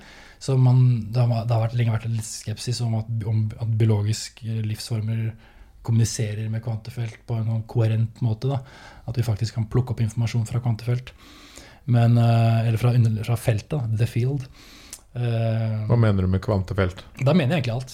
Altså, kvantefelt er Du består jo av små ting. Og det er ikke noe grunn til å tro at de, altså, jo, jo dypere ned vi kommer i et atom, eh, jo mer uforutsigbart eh, og jo mer upresist blir vår forståelse da, av det. Det er denne dikotomien da, mellom relativitet og kvanteteori. Mm. At uh, her i makroverden så er alt så forutsigbart, og det er fysiske lover og sånne ting, men når du går ned i subpartikkel, subatomære verden, så, så har du probabilitetsskyer og usikkerhetsprinsipp. Er og sånne ting. Ting er veldig forvirrende. Mm. Men de henger jo sammen. Vi vet jo at store ting består av små ting, så det er en eller annen forent underliggende perspektiv her. da. Jeg tror mennesker har en tendens til å eh, Vi vektlegger språket vårt så sykt mye. Så når jeg definerer eh, Jeg sier 'der sitter Henning', og 'her sitter Andreas'. Men hva er det egentlig som skjer her? Det er jo vi som lager disse grensene. Og så har du, en, du har masse informasjon i hjernen din om historikken din og livet ditt, og så har vi sammen en kultur som sier liksom at du er det individet der, og jeg er dette individet her, og vi er forskjellige. Mm. Men er det ikke her bare universet som fremdeles det her, altså, Big Bang sluttet aldri. Universet ekspanderer, og så blir vi til alle disse strukturene. Eh, og så sier vi at du er separat fra, dette. Jeg tror, ikke, jeg tror ikke Det eneste jeg ser, er at universet prosesserer informasjon om seg selv. Og jeg er en del av den informasjonsprosesseringen. Mm. Eh, og at det er noen grenser mellom meg og universet, det har jeg fått bevist at det er det ikke. Fordi eh, Tilbake til det, da. Hvordan? hvordan, hvordan? Ja, hvordan? Jeg, jeg var jo for så vidt selv sånn materialistisk, reduksjonistisk før, og det var vi litt inne på forrige podkast. men jeg, jeg mener at det er ikke noen vitenskapelig grunn til å ta, en sånn, til å ta et standpunkt, egentlig. Nei. Du kan komme like langt med begge, men det er interessant eh, for, på et kjempespennende. individuelt plan. Da. Eh, men, og jeg tror Det ufo-fenomenet handler jo litt om den åpenheten igjen, da. det gjør det. Og jeg tror ufo-fenomenet vårt vil åpne veldig den, det, det mm, spørsmålet igjen. da. Hva er egentlig den fysiske verden? Hva, er, hva betyr det å være menneske? Er vi mm, Ja, er vi, lever vi bare et kort liv, og så er det ferdig? Er det helt tilfeldig at vi er her? Sånne ting. Mm. Um, ja. Uh, jeg har jo blitt veldig spirituell selv av å av, um, Siden jeg har hatt flere opplevelser hvor jeg, har merket at bevisstheten ikke er avhengig av uh, eller, er- eller jeg mener, tar inn informasjon da, som ikke um, Lever den på, liksom, på et annet liksom. plan? Bevisstheten? Jeg kan ikke se at det er noen separasjon mellom noe som helst, egentlig. Altså, sånn Logisk sett så vil jeg tro at alt er på en måte universet som prosesserer informasjon om seg selv. Og det å snakke om universet som separat fra bevissthet, det gir jo, vi har ikke noe bevis for det, i hvert fall. Ingen Når du dør, ingen- hva skjer med bevisstheten din da, tror du? Eh, Det vet jeg ikke, men det er ingen som har bevist at det fins en objektiv virkelighet. Det er viktig å på en måte Det virker som mange s- tror at det er liksom en selvfølge, men det er en, en antakelse som vi bare har tatt. Mm. Det er en objektiv virkelighet her. Jo, jo mer vi krasjer sammen ting og eksperimenterer, og finner, så kan vi finne ut av hva den består av. Men vis meg en objektiv virkelighet uten bevissthet. Mm. Det går jo ikke. Hmm. Så That's some deep shit. Det er det. Jeg tror ikke at, eh, at um, universet slutter å prosessere informasjon når jeg dør, for å si det sånn. da. Nei. Jeg tror universet fortsetter å prosessere informasjon, fordi jeg tror det er det eneste universet kan gjøre. Det, og den informasjonsprosesseringen er det vi kaller bevissthet. Mm. AI kan selvfølgelig hookes opp på det. Det er jeg helt overbevist Ikke om. Og, og tilbake til ufo-litteraturen. Vi blir jo født som en sånn liten organisk klump som begynner å lære å, å leve og vokse, og jeg tror akkurat på samme måte kan man lage en AI etter hvert. Ja, Ikke sant? Og, Men hvordan man skal aktivere bevissthet, eller hvordan det skjer, ja, eller hva det er, det er jo et annet spørsmål. Det er et annet spørsmål, og det er litt gøy, da. La, vi kan gå enda mer into the deep fringe her, da. Um, professor John Mack ved universitetet i Harvard, veldig kjent uh, professor, uh, som jobbet uh, lenge med abduction-fenomenet, og abductees, alien abductees. Han fikk mye pepper for det, selvfølgelig. Folk trodde han var gæren, men han var jo også veldig smart og liksom respektabel. Skrev flere bøker. Han døde for noen år siden. Um, han um, samlet inn uh, flere titalls tusen, tror jeg, mange tusen i hvert fall, liksom caser av mennesker som sier 'jeg er blitt abducta av aliens'. Uh, det de husker er, Vi snakka litt om det forrige gang? Mm. Og det er en sprø case, men det er, det, det er veldig mange likhetstrekk der. da Samme som det er med nær døden-opplevelser også. Vi kan forske litt på disse transcendentale tingene, disse tingene som er ubegripelige for oss, basert på anekdoter som matcher og liksom greit. Det er ikke smoking gun. Psykologi er kanskje ikke en vitenskap, man kan argumentere med de tingene. Men det er, Ja, det, det er- det, det er veldig kult. Vi, forrige gang snakka vi mye om det med alien abduction, så mm. det er på en måte greit. Spol tilbake hvis du hører høre Ja. den. ja. Uh, men dette med de nær døden-opplevelsene òg Mm, Jeg så en ny dokumentar på Netflix, tror jeg, noen måneder siden, mm, om sånne. mm, Folk som egentlig har dødd. Mm, Vært døde i fem minutter, ti minutter, halvtime, whatever. mm. Og veldig mange opplever jo det samme. De er til stede i rommet selv om de er døde, Ja. f.eks. Ja. Og, og forteller etterpå hvilke instrumenter legen Yes. brukte, og det tar masse detaljer. ikke sant? Helt, helt vilt. Mm, Hvor mm. legene sier den personen lå helt død Mm. på operasjonsbordet i uh, Var flatline. Helt basically. flatline, Mm. fem-ti minutter. Og så våkner de igjen, de klarer mirakuløst å vekke personen til live igjen. Mm. Og så kan den personen fortelle hvilke instrumenter legen brukte Mm. når de opererte på dem. Mm. Hva de snakka om. Hvem som var i rommet. Mm. Ja, det er, jeg syns det, det er i det minste ekstremt interessant hva bevisstheten er kapabel til. Da. Mm. Uh, ja, det er jo folk som har vært hjernedøde, liksom, til og med, som du sier òg. Mm. Um, og så har de da opplevelser i tillegg hvor de har reist gjennom den tunnelen Ja. eller besøkt alle mulige fantastiske dimensjoner og sett um, entiteter og sånn. Det høres veldig hyggelig ut når man ser den, hvordan døden egentlig er. Ja, det gjør det. Og sånn en fin Frihet tunnel og lys og Mm. Det går an å forske på det, og det er jo heldigvis institusjoner som, som gjør ganske bra research på de greiene her også. Og det, det, men det jeg syns um, I forhold til abductions, da, Yes. som vi snakka om Det de rapporterer, da, disse gracene som har blitt en del av popkulturen vår Det også er en del av grunnen til at mennesker kommer til å ha, eller har vanskelig for å ta dette seriøst. Fordi det er blitt så stor del av populærkulturen vår. Sci-fi, filmer At nå, det, veldig, det kan bli vanskelig for noen å forstå at det her stammer fra et sted. Hva kom først her? Høna eller egget? Det er mulig at vi ble inspirert av faktiske hendelser. mm. Eh, For de rapporterer jo ofte disse gracene som fremstår som biologiske roboter. De har monotone handlingsmønstre, de gjør kun spesifiserte oppgaver. Eh, De, noen abductees omtaler dem som ikke-bevisste. De tror, altså, det er som om det ikke er noen hjemme der. Da. De agerer ut fra et script, eller fra et, et ganske avansert script, selvfølgelig, Mm. men at det er eh, klon, en blanding av bioteknologi, eh, kloneteknologi, AI, et eller annet sånt. Ingen, de har ikke noen kjønnsorganer. Ikke noe eh, så Det er mye der som ikke ligner på et menneske, da, Mm. samtidig som du har liksom den menneskelige kroppen. Så, de, så, så ikke sant? Kan tenkes det er da Også er det det Har du sett en Wolf Hva heter den HBO sci-fi Wolf og Et eller annet Jeg husker jeg ikke hva den heter, og mobilen min tar jo opp. mm. Den er jævlig bra. Ok, hva handler det om? Den er ehm, to AIs som reiser til en planet og skal skape liv den, ja. og ja, ja, ja. Race by Wolves. Yes! Ja. Faen, den var episk. Ja, genialt. Jeg har bare sett en episode av den. Uff, ja, for den tar Mm. en eller to episoder, Ja, og så bare Dette er det episk. okay. Den blir dritbra.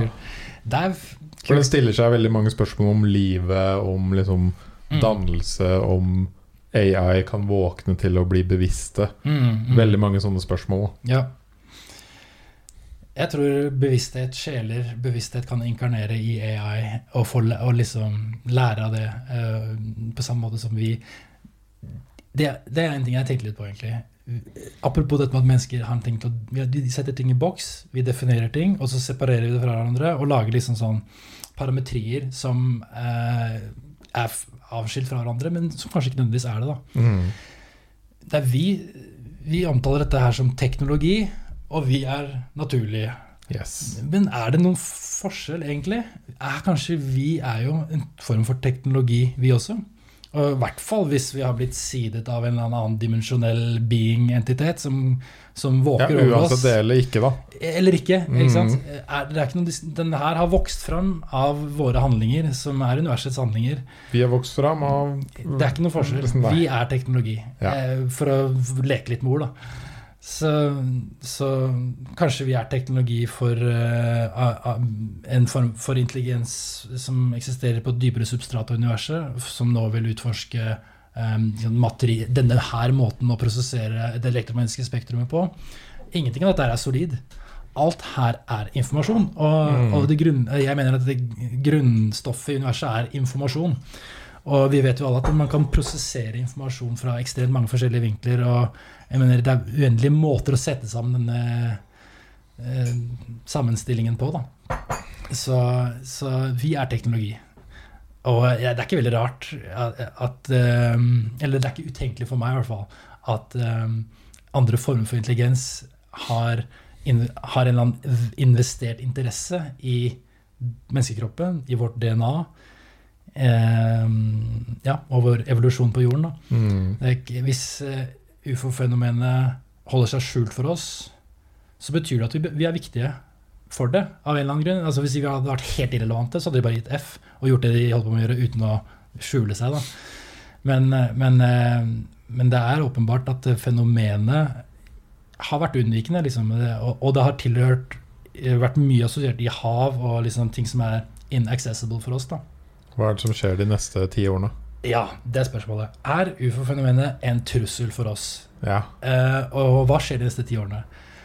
Jeg, det er mange gode grunner for en avansert sivilisasjon å holde seg skjult også. Bare se på de isolerte øygruppene i Papua Ny-Guinea og de stammene der. Eh, hver gang altså I antropologien, i historien vår, eh, så ser vi at hver gang en avansert sivilisasjon, enten de har gode intensjoner eller dårlige, kommer i kontakt med en primitiv sivilisasjon, så er de er fucked. Mm. De er fucked. Bare, bare det at vi liksom eh, Bare det at de ser oss, kan forandre kulturen deres fullstendig. Du har et tilfelle i Papua Ny-Guinea hvor det er en, en innfødt stamme som som, I andre verdenskrig så brukte de den øya som base. Så de innfødte der de så bare fly komme ned med masse crates stappfulle av mat og utstyr og våpen. og alt mulig rart. Masse av de greiene ble liggende igjen og etter at de forsvant igjen. Og de innfødte de trodde at dette her var guder. Og det her kan du søke på Wikipedia. Det Mm. kalles for cargo cult. Og de har bygd liksom de har fremdeles en dag i dag helligdager hvor de paraderer i sånne geværer lagd av strå og fly lagd av strå. Og de venter på at guden skal komme tilbake og gi dem cargo. Da. så, det er helt vilt. det er helt vilt. Eh, og, så den kulturen er for alltid preget av et lite møte med avansert vestlig sivilisasjon. Det er en norsk dude, Audun, jeg tror han heter Audun Amundsen, Mm. Som har lagd en dokumentar som er på NRK, hvor han i 15 år følger en eh, sjaman Mm. fra regnskogen i eh, tror det er Vietnam. Mm. I 15 år. Livet hans fra å være pure, liksom bare dems lille stammeflokk som nesten aldri har møtt mennesker, Mm. til over 15 år å bli eh, dratt inn i sivilisasjonen, moderne sivilisasjonen. Og liksom fra å være en eh, medisindoktor i skogen Mm. til å begynne å måtte selge ting, til å ville ha mer. Man ser veldig tydelig det der mønsteret som vi lever i nå, at Ja. vi hele tiden vil ha mer. ja, han fikk det òg, eller? Ja, han fikk smaken av det å få mer, ikke sant? ja. Så han må selge mer ting, Mm. få mer for å kunne kjøpe Altså samle mer ting fra skogen for å kunne selge, for å kjøpe mer. Mm. Vil ha, ikke sant Var vant til å ro, vil nå ha motor. Var vant til å være et sted der, men kan nå reise lenger. Mm. Til slutt ender han opp i by, Mm. ikke sant? og er egentlig bare kjempeforvirra til slutt. Ja. Den shit. dokumentaren er så bra. Jeg har ikke Ja. lyst til å si slutten, for da kommer Kul. ikke folk Hva- til å se den. Hva heter den? Det eh, jeg husker ikke hva han heter, man må søke på han Audun Amundsen. i hvert fall. Greit. Mm. Den er faktisk ikke på NRK, men Nei. du kan eh, kjøpe den for 100 kroner på nettsiden hans. Ja. Det var det jeg gjorde. Ja. Dritbra, for da støtter du Mm. Direkte filmskaperen og han sjamanen. Men det er en Jeg kan bare si det sånn at Mm. slutten ender vakkert. Ja, så bra. Han tilpasser seg så, Jeg vil ikke si noe mer. Nei. Men se den, for den viser så sykt godt det du snakka om nå. da ja. Mm. At uh, i møte med den moderne sivilisasjonen så blir man fort påvirka Mm. for nye typer sykdommer. Ja. Og spesielt det med at man hele tiden må ha mer ting. ja, nettopp. Mer, mer, mer, mer. Mm. Mm. Og blir mer og mer lost. Ja. Og så kommer slutten som Tenk deg en, eh, kanskje religionen vår er en cargo cult òg. Hvis uh, i gamle dager det kom uh, chariots uh, from the sky og engler altså Man symboliserer flyvende vesener med vinger. ikke sant? Altså, at, det, Mm. at det basically engler og disse, den litteraturen stammer fra visitations. mm. Hvem vet? Et annet, et annet morsomt eksempel òg, med farene for eh, med, med kommunikasjon mellom to siv- sivilisasjoner på veldig forskjellige steder i, i tidslinja si. da. Jeg, vi, jeg tror det var en aboriginer-stamme i Australia. Hvor eh, de eh, Økser var en veldig viktig del av status eh, Av hierarkiet deres da, i det samfunnet. Den som hadde den beste øksa, var liksom lederen da, av den. Og det var gjerne den eldste, og han hadde liksom The Master Axe. the shit. Det Ja. var den beste øksa. Og så kommer vestlige sivilisasjoner og bare Stakkars folk, vi må hjelpe dem, de har elendige økser. Stainless steel access for everyone.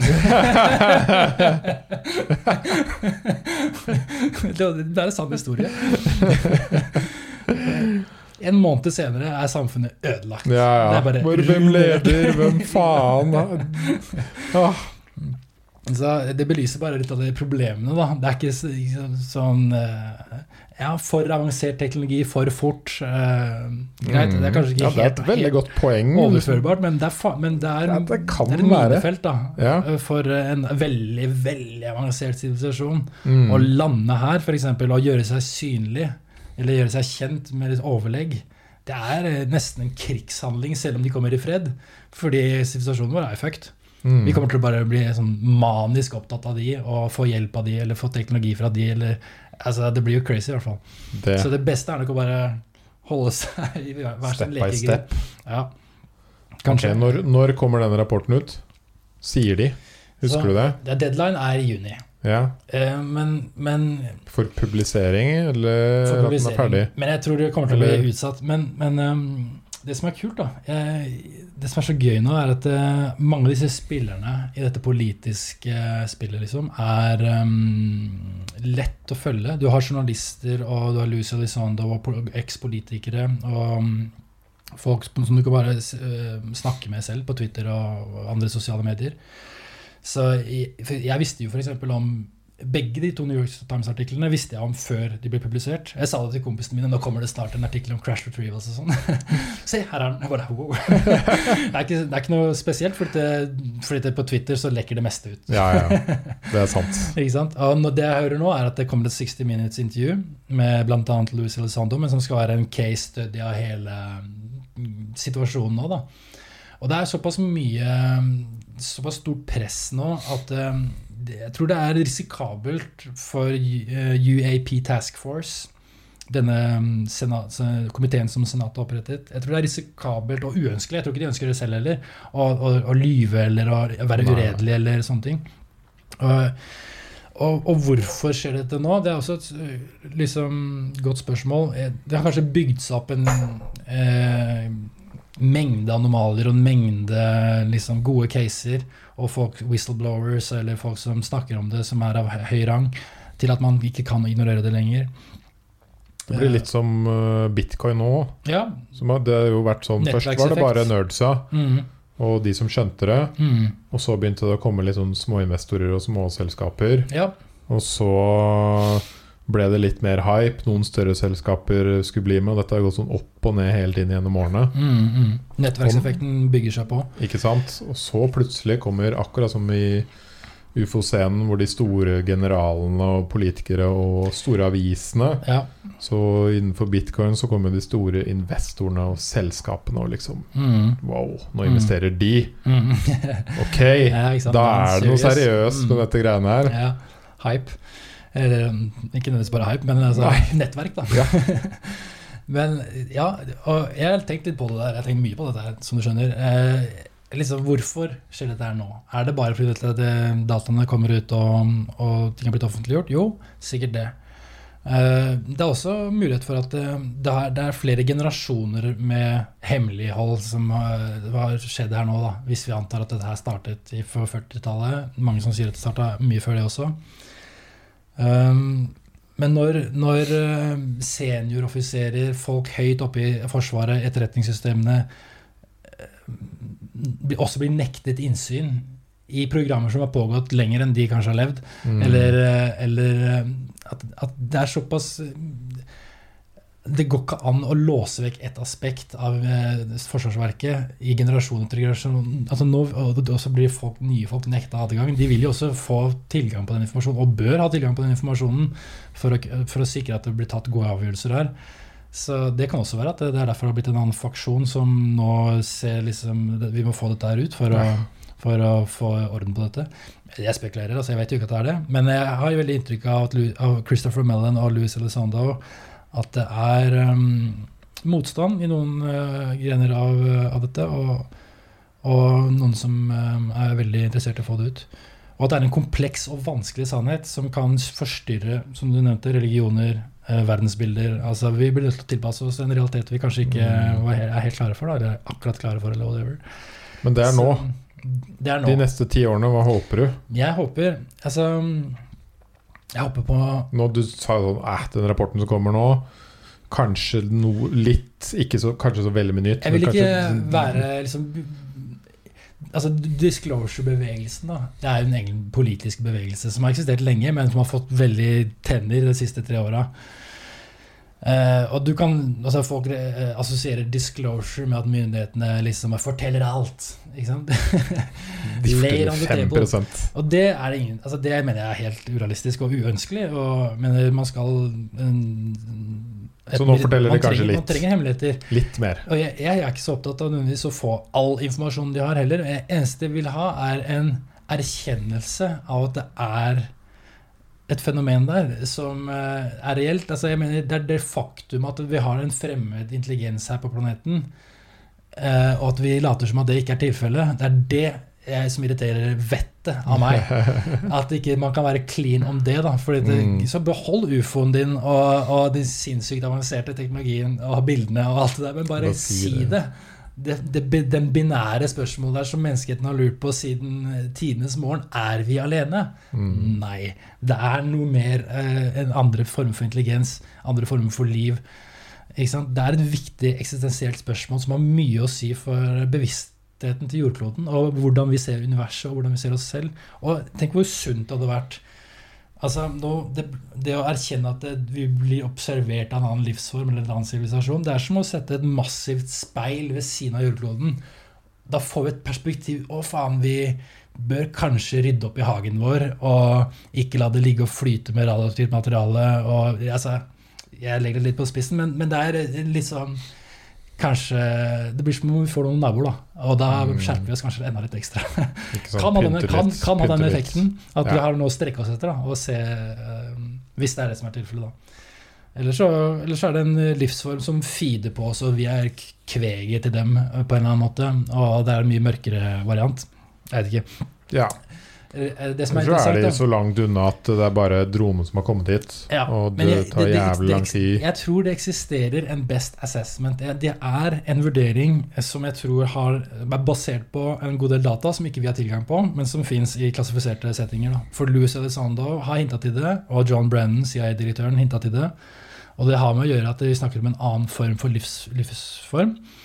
Det Louis Elizondo har eh, sagt, han er veldig kryptisk. Han er jævlig flink til å gi podkast nå. Du kan finne masse podcasts med Louis Elizondo hvor han sier mye, og han har sagt mer og mer de siste årene.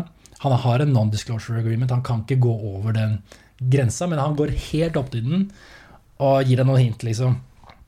Og det er veldig gøy å høre på. Uh, og, Han var med nå i Joe Rogan, ikke sant? ja, ja, nei, det var Christopher Mellon i Ja, Joe Rogan. Okay, Men jeg håper at Jeg tror han kommer på Joe Rogan, han altså, Mm. Jeg håper det. Eller Joe Rogan har jo fått dilla på ufo, så vil, vil, jo, vil, jo tro, vil jo tro det, han kommer dit etter hvert. Uh, men han har mange podkast nå. Uh, jeg tror han har vært på Lex Friedman. Ja, ja, ja, Du har i hvert fall. David Fravor på Lex Friedman. Dritbra podkast. Den anbefaler jeg. Dramatisk uh, encounter, de greiene der, altså. Men uh, Louis Elizondo sier Se for deg en livsform som um, Altså, vi, vi, vi prosesserer informasjon om nåtiden. Vi er her og nå. Eh, se for deg en sigarett som, og, og, som røykes, da. Og tuppen på denne sigaretten er liksom nuet. Hva om det er Der er hans analogi, da. Eh, Veldig kryptisk. Jeg vet ikke helt hva han mener, men han sier hva om det noe Hva om det går an å prosessere Du vet når du har røyka litt, altså den, den, den, den aktive gløden er nuet. Hva om den gløden kan være litt lenger? Mm. På en måte At du kan prosessere mer av romtiden samtidig enn akkurat denne slicen som vi opplever. da. At noen Kanskje det er en livsform som eh, opererer på et bredere felt av romtid da, eh, enn det vi gjør. Og hvordan skal vi interagere med en sånn type livsform? Altså, vi har ikke sjans, ikke sant? Det er, eh, det kan, jeg sier ikke nødvendigvis at det er kanskje ikke mer avansert enn oss, bare annerledes. Eh, ja, andre forutsetninger. Det vet ikke jeg. Jeg Det, det, det er mine ord, men han, mer det, avansert. det, det tror jeg Målt i, målt i teknologi. men i spirituell, spirituell eh, forståelse, eller liksom Det er mange målestokker her, da. Approach dem med kjærlighet, tenker jeg. det ja, ville vært en fordel, tror jeg. uansett. Men det har nok ikke alltid blitt gjort, De burde male sånne hjerter på de, noen av de jagerflyene som, Ja. som de, sånn. Det, og det er et veldig godt, veldig godt poeng, fordi altså, vi, har, vi har både lokka on, det er en case i Iran hvor man tok en lock on på en ufo og hadde tenkt å skyte. Eh, men eh, Eller i hvert fall fått en lock-on for å kanskje skyte. Men så ble cockpiten eh, deaktivert. Veldig kjent case. Står på Wikipedia eh, når eh, USA var sterkt inne i Iran for lenge siden. Um, så, så vi har prøvd. Helt klart. Eh, og det er også en eh, teori om at atomvåpen, eh, de elektromagnetiske pulsene som oppstår i en atomeksplosjon, kan deaktivere ufoer og få dem til å krasje. Mm. Og at det, det kan ha hatt en sammenheng med noen prøveeksplosjoner, prøvetester. Så ja, jeg tror Men, men mennesker Tror du de vil gi ut noe. Vi, hvis vi flyr helikopter over eh, en stamme i Papua Ny-Guinea, så skyter de oss med pil og buer. De er, de er tilgitt. Ja, ja, ja. Jeg skjønner det, det er greit. Så jeg tror heller de tar den approachen. Tror du vi får noe sånn fysisk bevis eller de neste ti årene? Ja, jeg tror det. Ja. Jeg tror vi er en Det er det som er så gøy. Det var derfor jeg var så gira. Det er derfor jeg er så gira. For jeg har, vært, jeg har vært interessert i det her i 20 år snart. Du ringte meg bare Du! Jeg har vært interessert i det i 20 år, og det har vært den mest frustrerende interessen å ha. Det skjønner jeg jeg, godt. jeg, liksom, ok, jeg får sånne bølger. Våkn, se på det her, det er dritfett! Kom Altså, igjen! Du er klin gæren, liksom. Mm. Og, så, og så er det ingen som er interessert i det. Så må jeg bare legge det fra meg fordi jeg blir for skuffende. da Eh, Fordi det er liksom så lite interesse av det. Men så, så har det gått noen år, og så har jeg liksom tatt litt opp igjen. Og så. Jeg, fordi For meg så er det sånn det er, et, det er en gåte som bare er uforståelig. Og jeg er så interessert i å finne ut av ting, og jeg forstår det ikke. Det er så, det er så merkelig.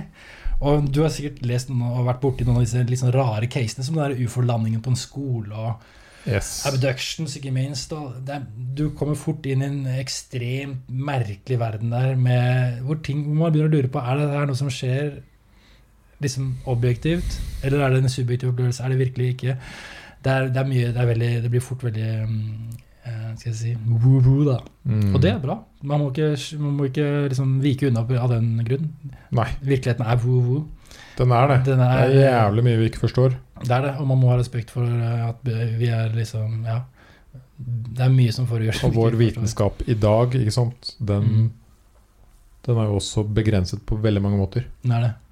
Så det som jeg ringte deg, ja, jeg er gira for tiden fordi jeg ser en holdningsendring i USA hovedsakelig. Europa ligger la, altså Vi har ikke som i Norge, hvor mange er det som bryr seg om ufoer her, liksom. Det er who cares? Det er også Og fått med, har snakka om vår samtale. liv og mitt liv. Det har jo null relevans for Yes. ingen, for alle. Tror folk. Det hadde også klimakrisen. Ingen, vi har ikke noe smoking gun for klimakrisen heller. Det er en sammensetning av data, komplekse data, som viser at shit, vi, vi ødelegger økosystemet vårt. Mm. Og jeg mener klimakrisen er den viktigste politiske kampsaken i vår tid. Men ufo-saken er enda viktigere fordi noen flyr rundt med anti-gravity-teknologi som ikke forurenser. Og det er et enormt potensial der til å utvikle en grønn infrastruktur som ikke verden har sett maken til. Mm.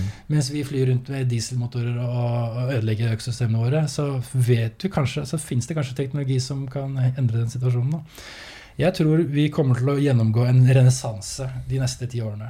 Og at dette her er starten på denne samtalen eh, oss imellom. At samfunnet vårt er i ferd med å våkne opp for en eh, At eh, Ja, det fins andre livsformer.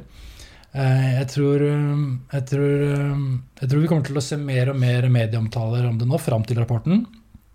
Eh, når rapporten eh, I Norge òg, eller? i Norge også. Det er uunngåelig. Når 60 Minutes og New York Times snakker om dette, her, så kommer Det må liksom skje i USA, må, og så ja, kommer det- vi ja. sånn luskende etter. I hvert fall respektable medier som har liksom gode journalister og sånne ting. Og så er det et enormt kompetansegap. da. For det, først skal liksom eh, Norske journalister må jo også gå gjennom den personlige utviklingen av at å ja, okay, det her er ikke Donald Duck. Nei, det er faktisk Det skal ikke tilhøre fjolleboksen, men i virkelighetsboksen. Det er et veldig stort liv for veldig mange. Mm. Det krever personlig utvikling og en vilje til å se på ting du ikke anså som viktig i det hele tatt. Så det er mye utdanning som skal skje. Men jeg tror det kommer til Norge, fordi eh, mange respektable medier i USA eh, kommer til å snakke om det, og flere og flere kommer til å mm, Vi kommer til å få bedre og bedre data. Jeg tror det kommer til å skje flere lekkasjer. Den forrige lekkasjen som skjedde til eh, han filmmaker Jeremy Corbell, den, disse flyvende pyramidene, den, den, ikke- jeg tror ikke det var en lekkasje. Jeg tror, jeg tror den ble gitt fra innsiden. Ja. En kontrollert lekkasje. Og jeg tror det, vi blir kanskje forberedt på en, eh, en rapport som, som har stor betydning for oss. Um, jeg forventer ikke å få liksom, eh, at Lockheed Martin åpner sin hemmelige hangar og viser ufoene som de skjuler. Det hadde vært fett. Det hadde vært fett. Eh, senator Harry Reed sa jo um, nå nylig på et intervju at han hadde blitt fortalt hele sin karriere at det er Lockheed Martin som har disse, dette utstyret her. Da. Det er interessant at den dokumentlekkasjen jeg nevnte tidligere, eh, refererer også til Lockheed Martin som en eh, contractor som har eh, materialer. Jeg tror ikke vi får se noe av det. Jeg tror ikke vi får se noe data om de greiene der enda. Men jeg tror samtalen De er sikkert sånn trinnvis, Ja, step by step, Nesten, og neste tiårene. ti årene. Ja? Litt nå, Litt nå, litt om tre litt år, fem Mm. år, og så kanskje 10-15 Men jeg år. tror, jeg, jeg tror også Det er også rykter om at et europeisk land kommer til å komme heavy inn på banen etter hvert. Jeg håper Nato kommer til å komme inn på banen etter hvert.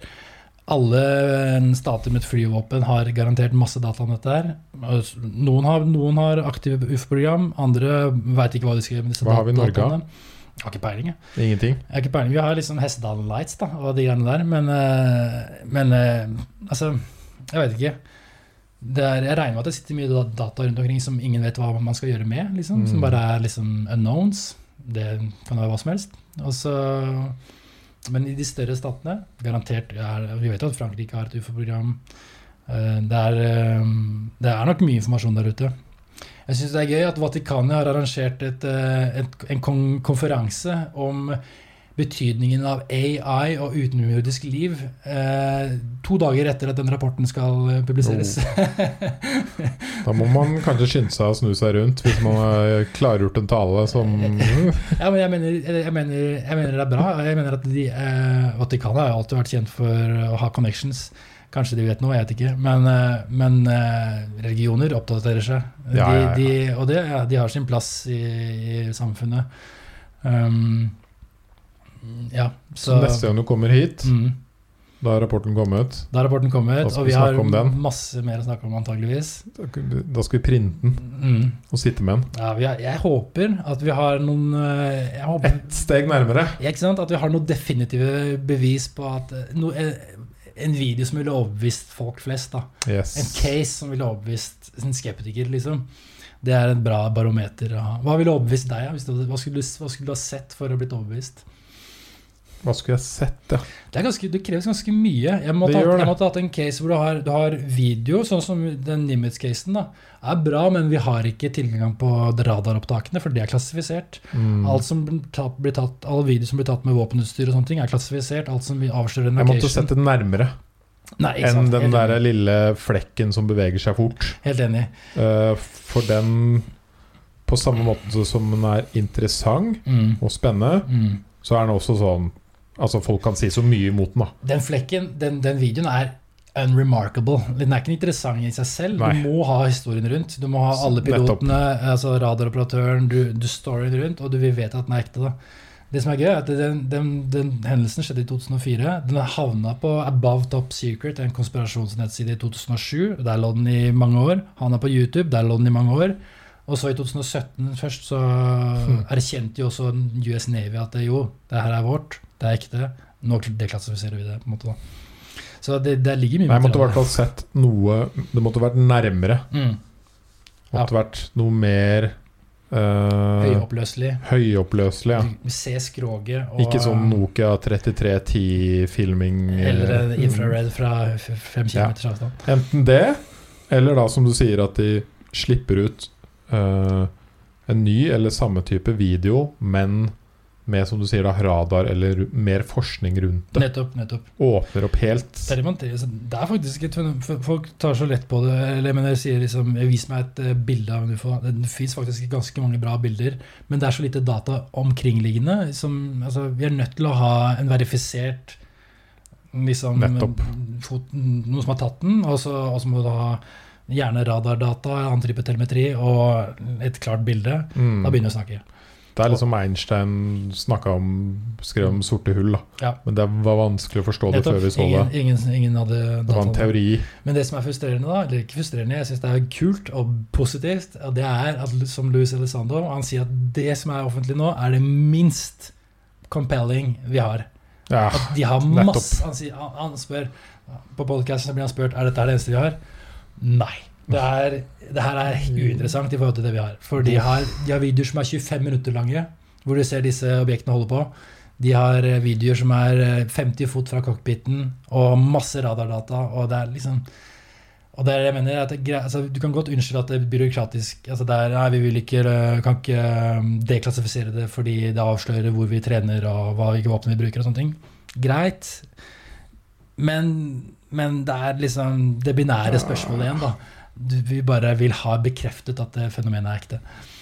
Sykt interessant, Mm. eh, Andreas. Og neste gang du kommer hit, så skal vi snakke om den rapporten. Gleder meg. gleder meg. Det blir jævlig spennende. Mm. Jeg håper noen der ute ble bitte litt mer interessert i dette fenomenet av den samtalen her. Det håper jeg òg. En sånn liten eye-opener. Min spådom er at eh, selv eh, våre trauste norske medier kommer til å skrive om dette i løpet av sommeren. Ja. Så vi kommer nok til å høre litt om det. Det blir spennende. Det jeg. Jeg gleder meg. Det blir veldig spennende å følge med, både i år og de neste årene. Mm. Og det er dødskult å høre på hvor mye du har satt deg inn i temaet. Mm. Uh, og jeg jeg, stiller alltid med åpent øre og syns det er gøy og interessant.